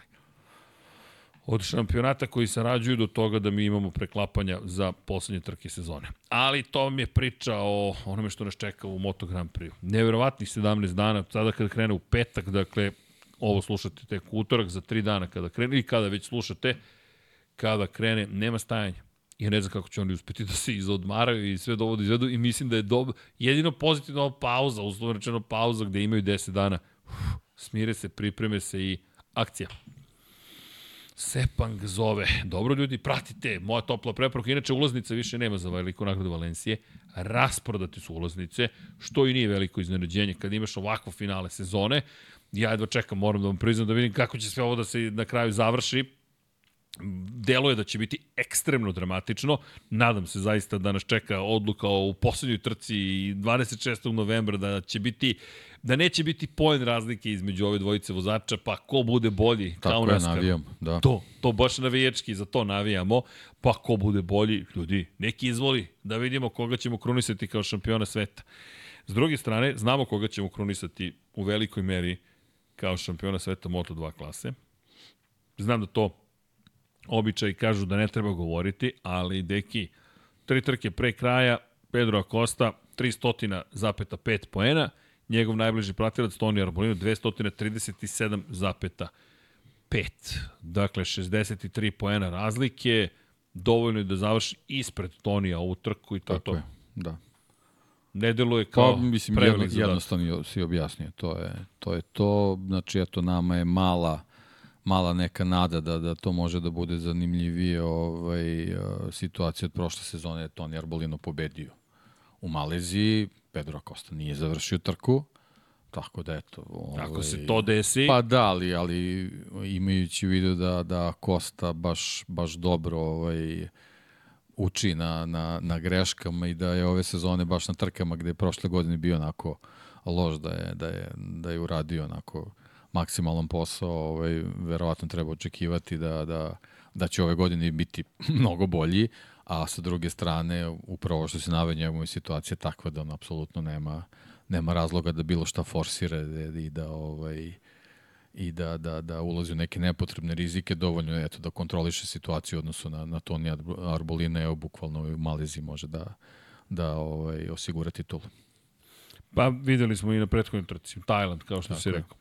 Najviše ovde sad zavisi od Toni Nije žuri. Arbolina. Jednostavno, ono, mi smo, mi smo se nekako nadali da će u, u ovom van evropskom delu sezone da, da, da, da ga ponovo dobijemo ovaj, na način kako smo ga imali na početku ove godine, međutim izostalo je to, on je, on je tu je pokazuje, pokazuje kvalitet, prekidanje trke u ovaj, Australiji i polovina bodova je tu možda već nešto ovaj, i definisala, ali opet sa druge strane na toj trci smo videli da, da je Acosta bez obzira što ima problem i startova kao poslednji, da je, da je napredovao kroz grid, da bi možda da je ta trka ovaj, vožena do kraja i Acosta bi osvojio više bodova, tako da jednostavno to je ta matematika u principu, ovi 63 boda razlike u, pokazuju u stvari tu neku dominaciju Acosta i ovaj, na, na njemu je iskontroliše situaciju Malezije, s druge strane Arbolino mora već sad ide na all-in.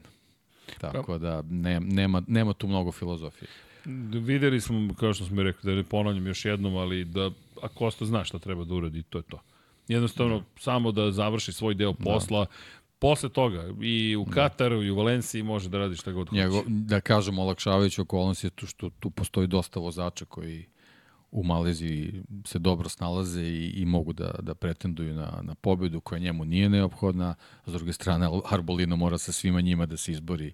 Tako da njemu je mnogo, mnogo komplikovanija situacija, a Kosta sa druge strane jedno, drugo, treće mesto, četvrto rešava celu situaciju. Znaš ko mislim da će biti pobednik zapravo ove velike nagrade? Jake Dixon. Ili isto misliš, o, Gosan Živković, to znači da se približava vreme za formule, šta je ovo večeras? Koju ste juče gledali? Koju ste juče gledali? Zapravo prekjuče, pošto mi snimamo, ali je to bilo juče iz ove perspektive. Da, ju, juče, da, Formula 1, Dobro, bilo je zabavno trka, deki. Je to zbog Alonsa zelena boja? Ajde, recimo. Ajde. A ja sam, šta, ja sam čekao. u plavim bojama. Ne, ali dobro, lep krug poslednji. Jeste, jeste. Ono je baš bilo lepo Da. trkanje. Trkački krug. I mudro. Mudro. Iz- Iskoristio svaku šansu Fernando Alonso, na kraju završio 53.000 tinke ispred Pereza. Da je linija cilja bila 10 metara kasnije, to, ma kakav 3 metra kasnije, to bi bilo gotovo. Ali nije bilo. Da, treba izračunati. Treba izračunati, o, kako je računao. Ona izlazi iz 12. krivine. Sve gledam, zašto ideš široko? Aha, ti zapravo, tebi je samo bitno ne da budeš najbrži što ti možeš da budeš, nego da na pravim delovima staze budeš brzi od čeka. Ok, iskusni Fernando. I onda samo kad je morao da ga Juri vozi uz teme krivine. Rekao, vidi, ovaj Fernando je car. Zarno je legendarna bila vožnja. Elem, tako neku Vidi vožnju... kad je, kad je Schumachera mogao da drži za sebe. Upravo to. Te stvari se ne zaboravljaju, bukvalno se ne zaboravljaju. Da, ka, što kaže Hasan Bratić, ti si ministar odbrane. Sad svi govore, Čeko ili je Fernando? Ne, on je mi, ministar automotosporta. A, a, lepo rečeno. Mini, baš je ministar. I odvezao je onako kako treba da se vozi svaka čast. Baš je izvukao maksimum. Elem, apropo Pedra Koste, meni delo da će on da uradi tačno koliko je potrebno. Teško je najavljivati Moto2 trku u Maleziji na drugi način. Augusto Fernandez pobedio prošle godine, Ajo Gura bio brz, prokockao šansu i za pobedu i za titul, ma i za drugo mesto da je prokockao opet, to bi, to bi vrlo verovatno Pa bilo vidi titul. kako se razvijela sezona, to je Prokutskoj titulu. Titulu, bukvalno, Bukvalno je to bila ta prilika. titulu. A pritom, toliko su zapravo usponi i padovi veliki trenutno u, u, u Moto2 kategoriji, da osim Fermina Aldegera, ne znam koga bih još istakao u celoj priči, jer Aldeger je osvojio dve pol pozicije za redom, pobeda na prethodnoj trci i ono što je zanimljivo, nije, nije Luki Boskoskuru zanimljivo, ali nam je zanimljivo, a to je zapravo da kada pogledaš, Luka Boskoskuro je čovek koji je rekao, ljudi, mi i dalje smo u situaciji da postoji šansa da ode Fermin Aldeger. Dakle, njemu je najveći problem što svi jure sada Fermina Aldegera, a Fermin neće sada stati kada je u dobroj formi. Tako da, tipujem na Jakea Dixona, zašto? Pa iz svih mogućih razloga. Odavno nije bio na pobjedničkom postoju, dva pada za redom, deluje mi da bi u Maleziji mogao da bude dobar. Ne, ništa drugo nemam da kažem za Jakea Dixona. Nije se odjednom nešto desilo super pozitivno, ali racionalno gledajući Fermin Aldeger mislim da treba... Znaš ko je još gori u, u poslednjim trkama od, od Jakea Dixona? Ko je još gori? Celestino Vijet. Čelestino je, da, Čele mu baš ne ide. Jao, Čele su Tako da- pokupili, izbacili. Nemoj da ga zaboraviš. Da, da, Čele, Čele, Charles Leclerc.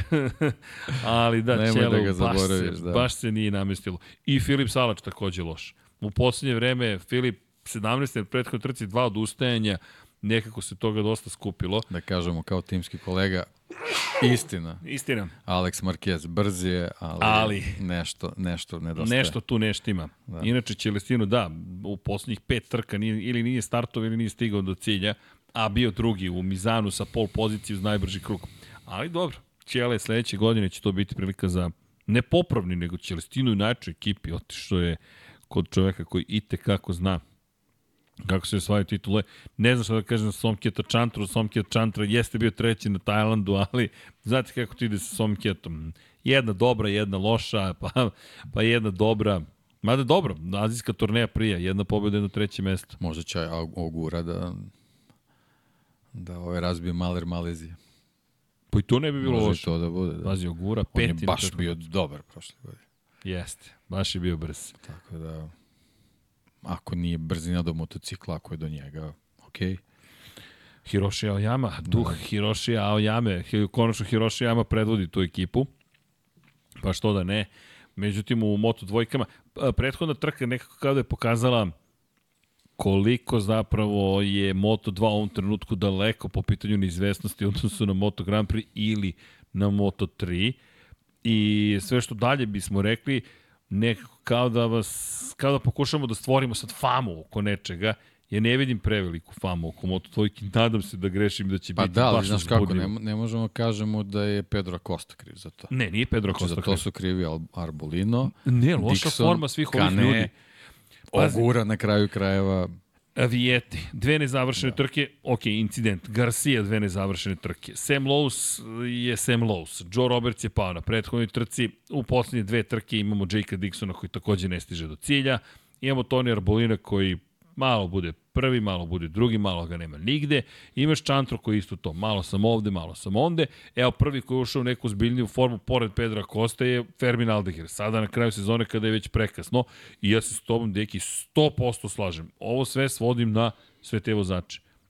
Jednostavno, nevjerovatno je da mi dođemo u ovu situaciju da, da, da je zapravo toliko loša kategorija da je Jake Dixon na trećoj poziciji ima 130 skoro poena manje od prvoplasiranog. Nije došao do 200 poena. Ne možeš da se boriš za titulu ako nisi konstantan. Ne, pa To to, to opet se vraćamo na početak priče iz Tako je. Moto Grand Prix. Inače, znaš šta mi je bila zanimljiva priča što se tiče Moto dvojki? A to je bilo zapravo da je tim Husqvarna vrlo nezadovoljan, ali znate čime je sve? Nezadovoljan je sa dve stvari. Rezultatima svakako ove godine Derina Binder i Lukasa Tulovića. Međutim, ono što je fascinantno jeste nezadovoljni su što je dozvoljeno zapravo da čovjek od kome ćemo tek pričati, čovjek koji se bori i dalje za titulu, a Yumu Sasaki Moto3 klasi, ode iz ekipe.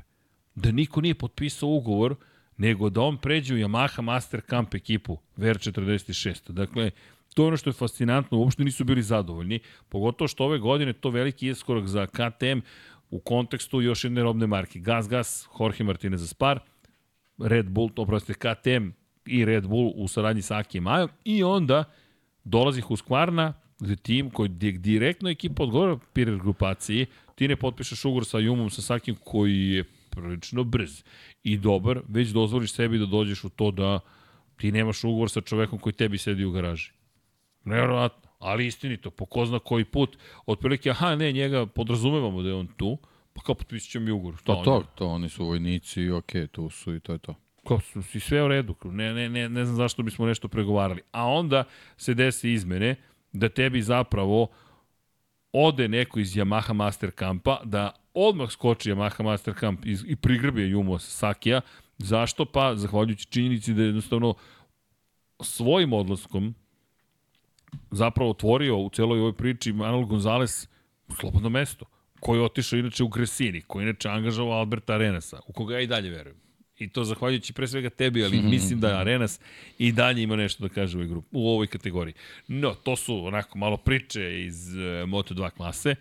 Svaki put kad pogledamo ekran vidimo i brkove, nije mi dobro, ali dobro. Ali okej, ovako ću to da sedim, evo ovako, otprilike, a, ali okej, vidi, ponosno, ponosno ih nosim. Ljudi, ako će ovi brkovi nekoga da navedu da ode da se testira, sve je dovoljno. Da zaista, samo nek se testira, to je, to je više nego dovoljno. Inače, htjedoh malo pre da kažem o Ayumu Sasakiju šta? Da nam je on uvod u Moto3 kategoriju. Deki, ne znam šta više čekam, Moto Grand Prix ili Moto 3. Deki, mi, ja nemam tek ovde predstavu šta će da se desi i uopšte ko će da bude u kojoj formi.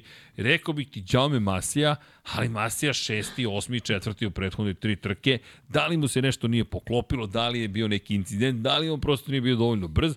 Kako god sabereš, kako god oduzmeš, dođe smo do toga da on i dalje ima prednost, 230 bodova, 17 više od Ayumu Sasakija, koji je prvi peh imao, on je baš peh na Tajlandu bio, I dolazimo do toga, o, dobro veče, dolazimo do toga da ti imaš na poziciji broj 3 Davida Alonsa, koji ima isti broj poena kao Daniel Olgado, 205. Dakle, 25 poena zaostaju Olgado i Alonso, a povrh svega toga imaš Deniza Ondžua, koji teoretski ima tu još uvijek šansu. 39 poena za No, ostatak. to je ništa, da. U tri trke, To, to, se sve može odokladiti. nikakva razlika posebno za Moto trojke.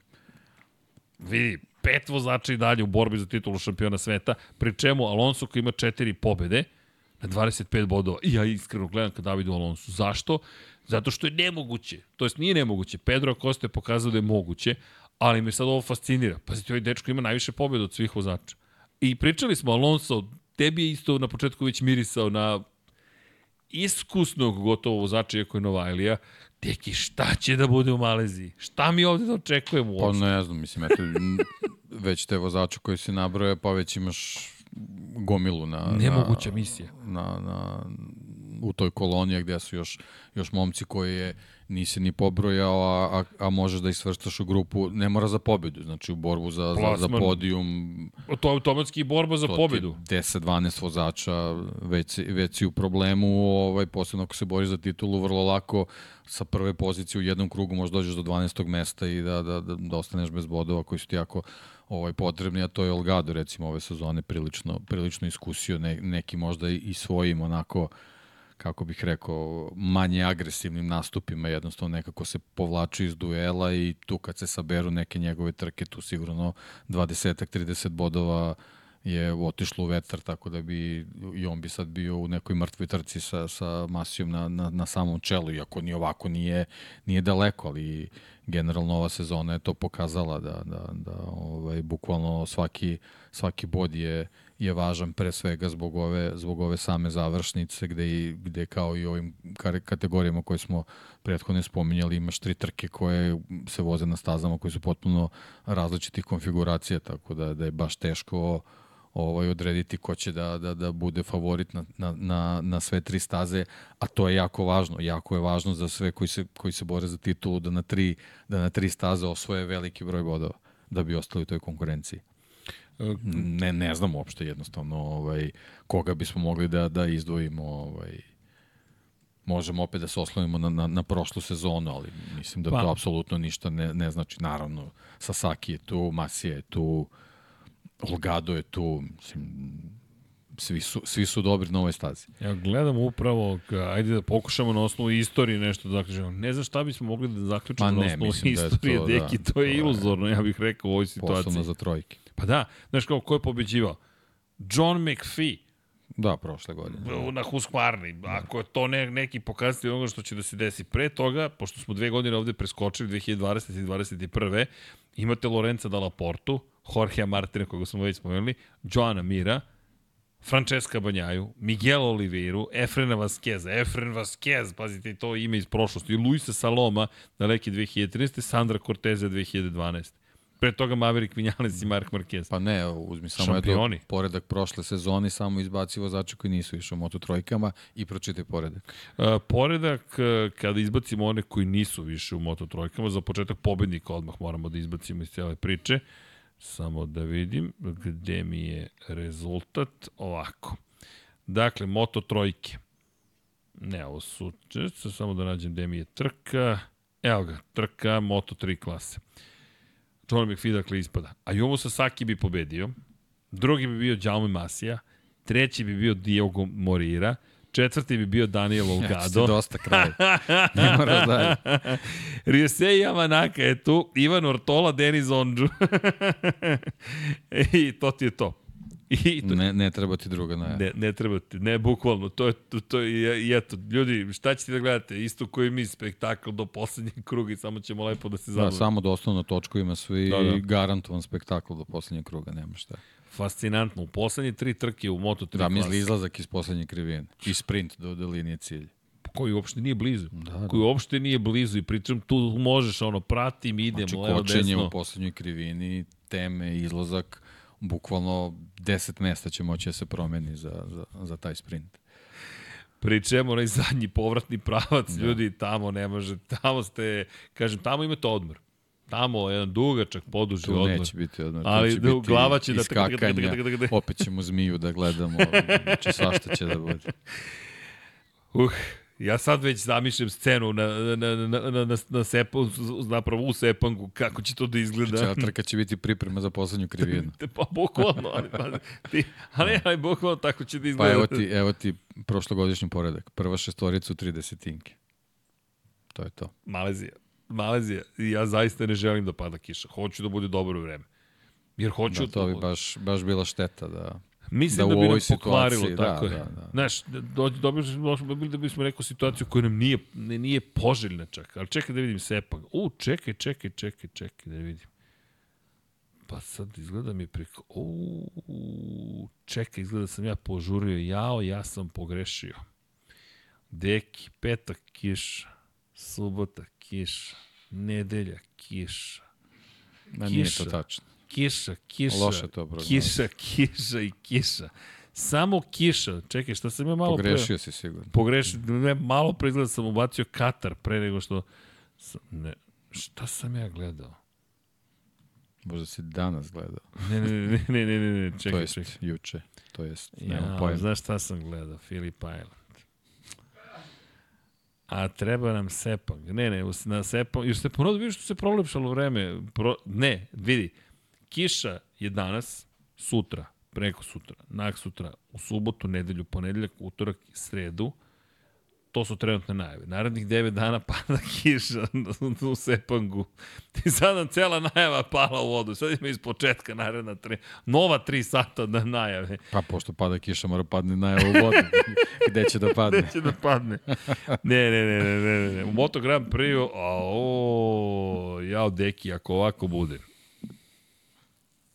Ništa. Upalite televizore i uživajte. Uvite su neko ćebe. I... Ćebence, Uživajte. od, pa celu noć provedite sa nama, padaće samo da ne bude prekidanja treninga.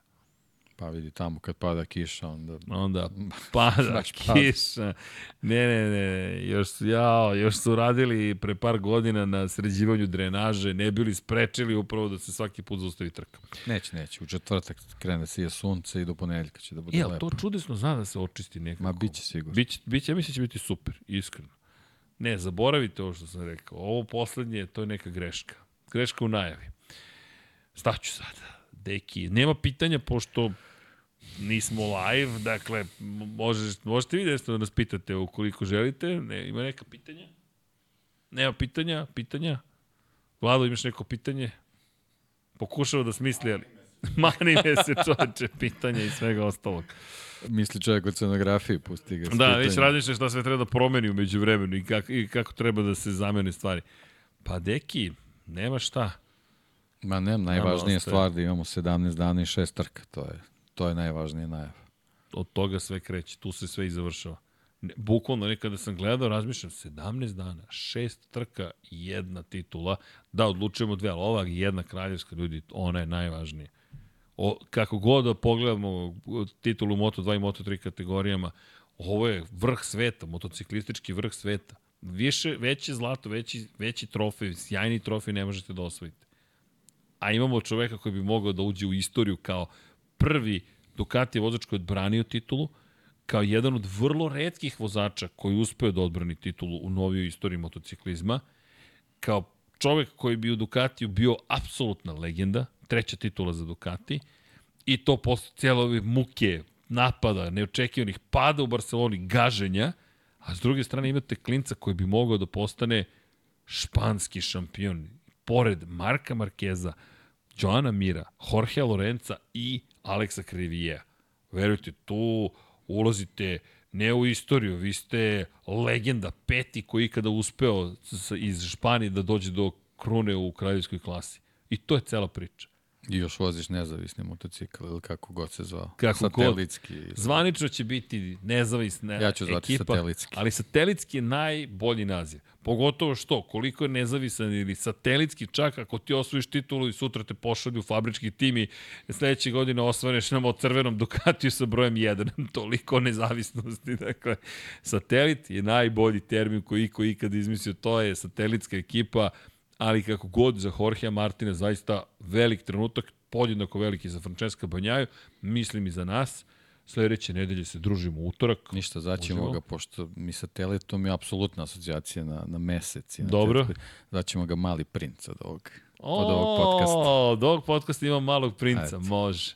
Može, mali princ, Pa to je tako lepo i uradi. romantično. Šta god uradi, kogod od njih, šta god uradi kroz 43 trke da budeš Ma svaka čast. šampion, svaka čast. Baš svaka čast. 43, trebalo je Jack Miller da bude šampion. Pa, u Australiji su mu namestili sve da bude U 43, Australiji ali nije razumeo. Nije shvatio. Nije shvatio kako ovo Shvatit će. treba da se završi. Shvatit će. A Paul Espargaro nije dobio ni 44 trke. Da, da. Eto, to, to ti je tako, takav Tako pogled da se ide, da. I da se nadamo da neće biti otkazivanja sprinta u Maleziji. Da. Zato što ako pada ova kiša, ako se ovo sve ovako otvara, a o, može da bude Ne, sve. ne, bit će lepo vreme. Biće lepo vreme. Slažem se, deki, s tobom. Ja računam bukvalno na lepo vreme. E, mi ćemo vas pozdraviti sada u ovom snimku, pošto, kao što smo rekli, pitanja, nažalost, ne možemo da vam odgovorimo na pitanja, ali pripremite ih za sledeći podcast, ne zamerite, posle ovoga idemo uživo Formula 1, ja se pakujem pa za Zagreb ujutro, vraća se četvrtak uveče, pa prenosi ceo vikend trkački, sportski, kako god da pogledate i onda narednog ponedeljka ponovo Formula 1 od 21.00, utorak 20.15 za Moto Grand Prix. Predviđen termin. Deki, što da ti kažem? Hvala kao i Ništa, spremamo se za finiš. Spremamo se za finiš, ljudi. Ne, ovo je početak I za Zagreb i sve. I, to, to, to. Pa da vidimo se u Zagrebu zapravo. Da. ćemo se tačno... Pa ne, mislim da ćemo, ćemo se tačno, mimo ići. Da. mimo ilazimo se dobro. Ali ono što... Gledat ćete sa autoputa kako polećiš. da, da, da. Pri čemu, ja koji zapravo idem, jer pošto sam sam jeftinije je zapravo da odeš avionom, koliko god to bizarno zvučalo do Zagreba i nazad, jer kada pogledaš putarine i sve ostalo tamo nazad, U ako, principu, da. ako ne ide dvojca barem, dvoje kako Meni god. je pun automobil, tako da. Jel jeste? Pa idu, idu klinci, ovaj, na, u Zagrebu se održava veliki miting mladosti u plivanju. Ej, sjajno. To je baš onako tradicionalno ovaj, i ide ekipa vračara, Johnny je s njima, tako da pun autoklinac. Dobro, to su lepe da. stvari. Dobro, evo ćemo da idemo, da, a, a vi ćete biti tamo, pa ne, mora da se da se navija. Pa da, to je subota, nedelja. Mislim da će biti na HRT prenosi to svake godine. Tako da mislim da će biti na TV. I jedan mladi gospodin Da. Potkonjak. O, dakle, znate šta gledate u subotu i nedelju. Nadam ne, se da će biti prenos uvek je bilo. ne da. samo što gledate veliku nagradu Malezije, već i kako se zove skup mladosti. A, mislim se zove turnir mladosti, ili tako? Turnir mladosti. Plivački klub Mladost Zagreb, da. da. Iz da. plivačkog kluba mladosti, dakle, Da, da, takmičenje imamo i Nikola Trofej Potkonjak. mladosti. Trofej mladosti. Tako nešto, da, dobro. Čekaj, on pliva Onda u sam- kojoj disciplini? A, prsno. Prsno. prsno. Dobro, dakle Nikola Potkonjak, zapamtite ime i prezime i navijajte. To nam je potrebno naravno zašto pod na vezu. Vrlo je jednostavno ljudi, kao i uvijek. Umeđu vremenu kliknite like, share and subscribe i naravno ukoliko možete posetite našu prodavnicu shop.infinitylighthouse.com. Svaka podrška i tekako znači lepo bi bilo ukoliko možete nas podržiti i na patreon.com kroz Infinity Lighthouse. Završavamo polako li sigurno i novi studio. Sve smo potrošili, to ponavljamo tri godine i nastavit ćemo da ponavljamo i trošit ćemo i dalje. Pa jednog dana kada budemo u plusu, onda ćemo da vratimo društvu kroz corporate social responsibility. Šalno strano ćemo potrošiti pare na neki tim moto, moto trojki negde ili mini GP ili nešto tako, tako da znate, bar znate gde su pare otišle i vrlo je jednostavno. Minus Racing, tako će se zvati, da. Pa čuveno pravilo, ako želiš, jel te, da kreneš, da budeš, Da. jel te, milioner, kreni kao ako, želiš da pobediš, ne smeš da izgubiš. ako kaniš pobjediti, ne smeš Tako je, izgubiti. imaš i to. E, u svakom slučaju, hvala za svu podršku kao i do sada. Ko može, neka nas poseti u Hali 7, Dakle, Avenija, Dubrovačka Avenija, broj 15, imamo i svoj broj. I posebno bih pozdravio i zahvalio se momku koji će nas podržati Lucijan, koji živi u Zagrebu i koji je jedan od onih ljudi mladih koji je rekao, hej, treba podrška, treba podrška, tako da Lucijane, hvala ti na tome i jedno čekamo da se vidimo tamo i da se upoznamo. Pozdrav za, za sve zapravo i za ekipu iz Zagreba. Samo da vam nađem tačno, sad ću vam odmah reći, pošto ovo zaslužuje samo da nađem gde je ta prepiska, poseban pozdrav, zašto, zašto, zašto. E sad treba naći tu poruku, ali gde je ta poruka nestala, ne znam, ali u svakom slučaju e, negde sam izgubio. E, da.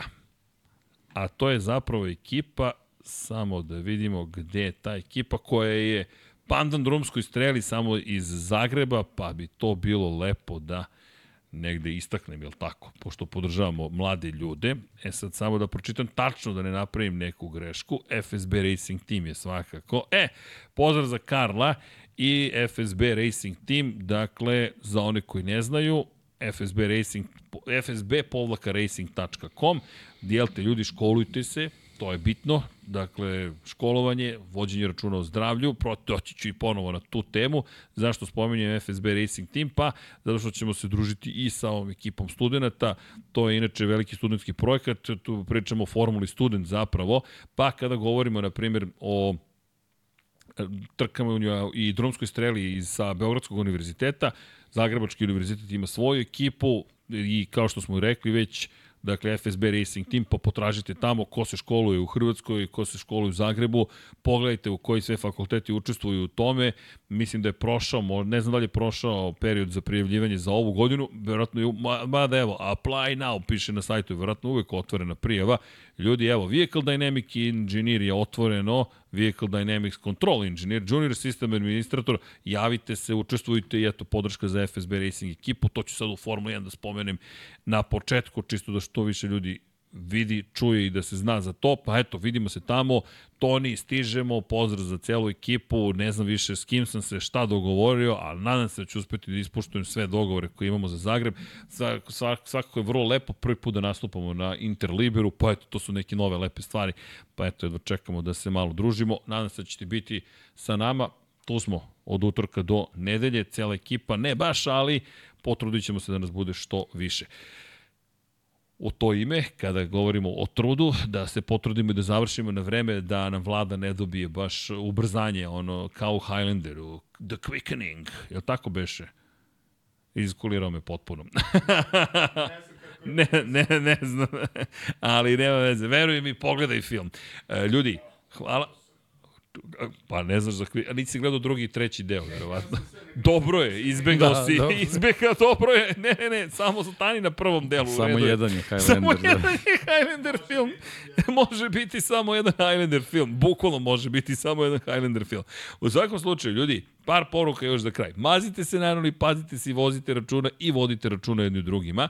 I kao što smo rekli, puštamo brkove e, ponosno, citirat ću našeg dragog vladu, vrlo ponosno puštamo brkove, jer treba ih pustiti ukoliko će to nekom pomoći da, da povede malo više računa o sebi. Kao što smo rekli, zajedno ove godine sa Generali osiguranjem Srbije, koje je takođe u akciji podizanje svesti o borbi protiv raka testisa i prostate. Njihova kampanja je vrlo, vrlo jednostavno testiraj se, prosto je i priča je upravo o tome da nažalost 3000, oko 3000 muškaraca godišnje boli od ovih opakih bolesti, oko 1000 ih nažalost premine, međutim, ukol, i to su uglavnom ljudi mlađi od 50 godina, ukoliko na vreme se ustanovi, moguće ga izlečiti. Dakle, što kaže kampanja, tvoj auto ide na pregled, idi i ti. Jednostavno je, vodimo više računa o računarima, mobilnim telefonima, automobilima. Kada je reč o generaliju, inače imate i akciju, dakle, kada je reč o policiji auto odgovornosti, ko koristi generalije u polisu, ko je obnovi u novembru, može da se prijavi na linku koji ćete naći u opisu ovoga videa i prvih hiljadu koji popuni formu, ima besplatan pregled, zaista iskoristite priliku, pre svega se pregledajte, ukoliko ste u situaciji da ste ili već obnovili ili ste negde drugde, kako god ljudi, vodite računa o sebi, vodite računa, vozite računa o sebi, mi pružamo podršku generali zato što generali pruža podršku nama, ali ono što je najvažnije, poenta je da zajedno pokušamo da podignemo svest o tome da se neke stvari mogu rešiti, ali moramo da povedemo računa o sebi. Tako da, ko je korisnik polisa auto odgovornosti i obnovio u novembru ili je izvadio u novembru kod generalija, popunite formu na linku koji se nalazi u opisu videa i prvi hiljadu koji to učini ima besplatan pregled. Mislim da to vredi učiniti za sebe pre svega, a onda i za vaše voljene.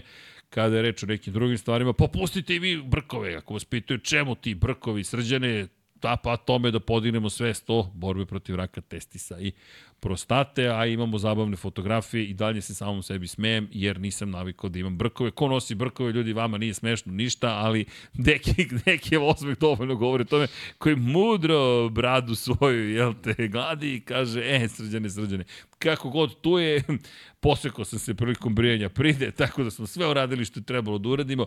Ljudi, Mi vam šaljamo puno ljubavi, mazite se pazite se, vozite računa jedni u drugima i o sebi. Vratit ćemo se da se pozdravimo, a sada poseban pozdrav kome? Pa naravno našim pokroviteljima, što na Patronu, što onima koji su članovi na YouTube-u i pa svema generalno ljudima koji god da nas prate, pogotovo ako ste dobre volje, Ako ste stigli do ovde, to znači da smo nešto mudro učinili. A sada pozdrav za sve one divne ljude koji nas podržavaju i finansijski. Hvala na tome, tako postojimo i dalje i nezavisni smo. I naravno, subscribe, subscribe, subscribe. Ajmo da stignemo do tih 40.000. A ako ovo gledate u dalekoj budućnosti, kada smo davno prešli taj broj, A ukoliko niste subscriber, pomozite dođemo do 50, 60, milion, 3 miliona i tako dalje, tako dalje. Idemo u svemir.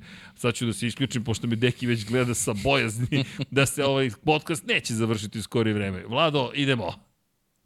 Nemanja Jeremić, hvala ti. Mirina Kovačević takođe. Marko Radanović. Miloš Todorov. Lazar Pejović. Vladimir Uskoković. Dejan Đokić. Mihajlo Krgović. Marko Kozić. Branimir Kovačev. Aleksa Vučaj. Kovačević Omer. Stefan Radosavljević. Ivana. Andrej Božo. Đole QB4. Milence Babino Pilajče. Đole Cheesehead. Da žena ne sazna. Bogdan Uzelac, Antonio Novak, Vlada Ivanović, Ognjen Grgur, Mladen Krstić, Nikola Stojanović, Dušan Ristić, Branislav Milošević, Milan Nešković, Ljubo Đurović, Alen Stojčić, Dragan Nikolovski, Goša 46, Predrag Pižurica, Vladidov Dejv, Sead Šantić, Nikola Grujičić, Bojan Bogdanović, Zoltan Mezeji, Miloš Radosavljević, LFC, Neđo Mališić, Branimir Rijevec, Marko Mostarac, Jasmina Pešić, Vučinić Miroslav, Dušan Delić, Anonimus, Donatorus, Ružica Stefanović, Strahinja Blagojević, Borko Božunović, Ivan Rečević, Salim Okanović, Živojin Petković, Ivan Toškov, Vuk Korać, Lazar Hristov, Lukas, Miloš Banduka, Dimitrije Mišić, Marin Antunović, Jugoslav Krasnić, Kimi Rajkonen, Andreja Miladinović, Igor Vučković, Nemanja Labović, Stefan Stanković, Nikola Milosavljević, Jasenko Samarđić, Miloš Rišić, Rašić, izvinjam se, Vukašin Vučenović, Marko, Marković, Stefan Ličina, Luka Klaso, Jeca N. Stefan, Nemanja Zagorac, Aleksandar Mitrović, Šefko Ćehić, Crnogorski Džedaj, Milan Apro, Bojan Mijatović, Vladimir Filipović, Deus Nikola, Jovan Đodan, Safet Isljami, Matija Binotto, Veselin Vukićević, Predrag Simić, Ivan Maksimović, Danijela Ilić, Nenad Pantelić, Stevan Zekanović, Sava Dugi, Josip Kovačić, Aleksandar Milosavljević, Marko Kostić, Zorana Vidić, Vukašin Jekić, Ognjen Marinković, Monika Erceg, Đorđe Radojević, Peđa Janković, Nikola E, Miloš Rosandić, Igor Jankovski, Simović Sarajevo, Ivan Ciger, Tijana Vidanović, Branislav Kovačević, Milan, Miloš Broćeta, Branislav Marković, Zoran Šalamun, Boris Kulubar, Renata Neš, Đorđe Andrić, Nemanja Miloradović, Aleksandar Čučković, Anonimus, Donatorus, Dragan Matić, Jelena Veljković, Mlađan Antić, Milan Kića, Blufonac, Džigi Bao, Dorijan Kablar, Danka, Branislav Dević, Miroslav Cvetić, Boris Kujundžić, Vamblisapa, Bata Brada, Klara Gašpar, Stefan Lešnjak, Milan Ristić, Armin, Luka Martinović, Darko Trajković, Nedim, Saša Ranisavljević, Tina i Ilija, Hrvoje Lovrić, Jelena Jeremić, Alen Vuletić, Inzulin 13, Vladimir Mutić, Ferenc Laslofi, Matej Sopta, Mihovil Stamičar, Andrija Todorović, Marko Blagojević,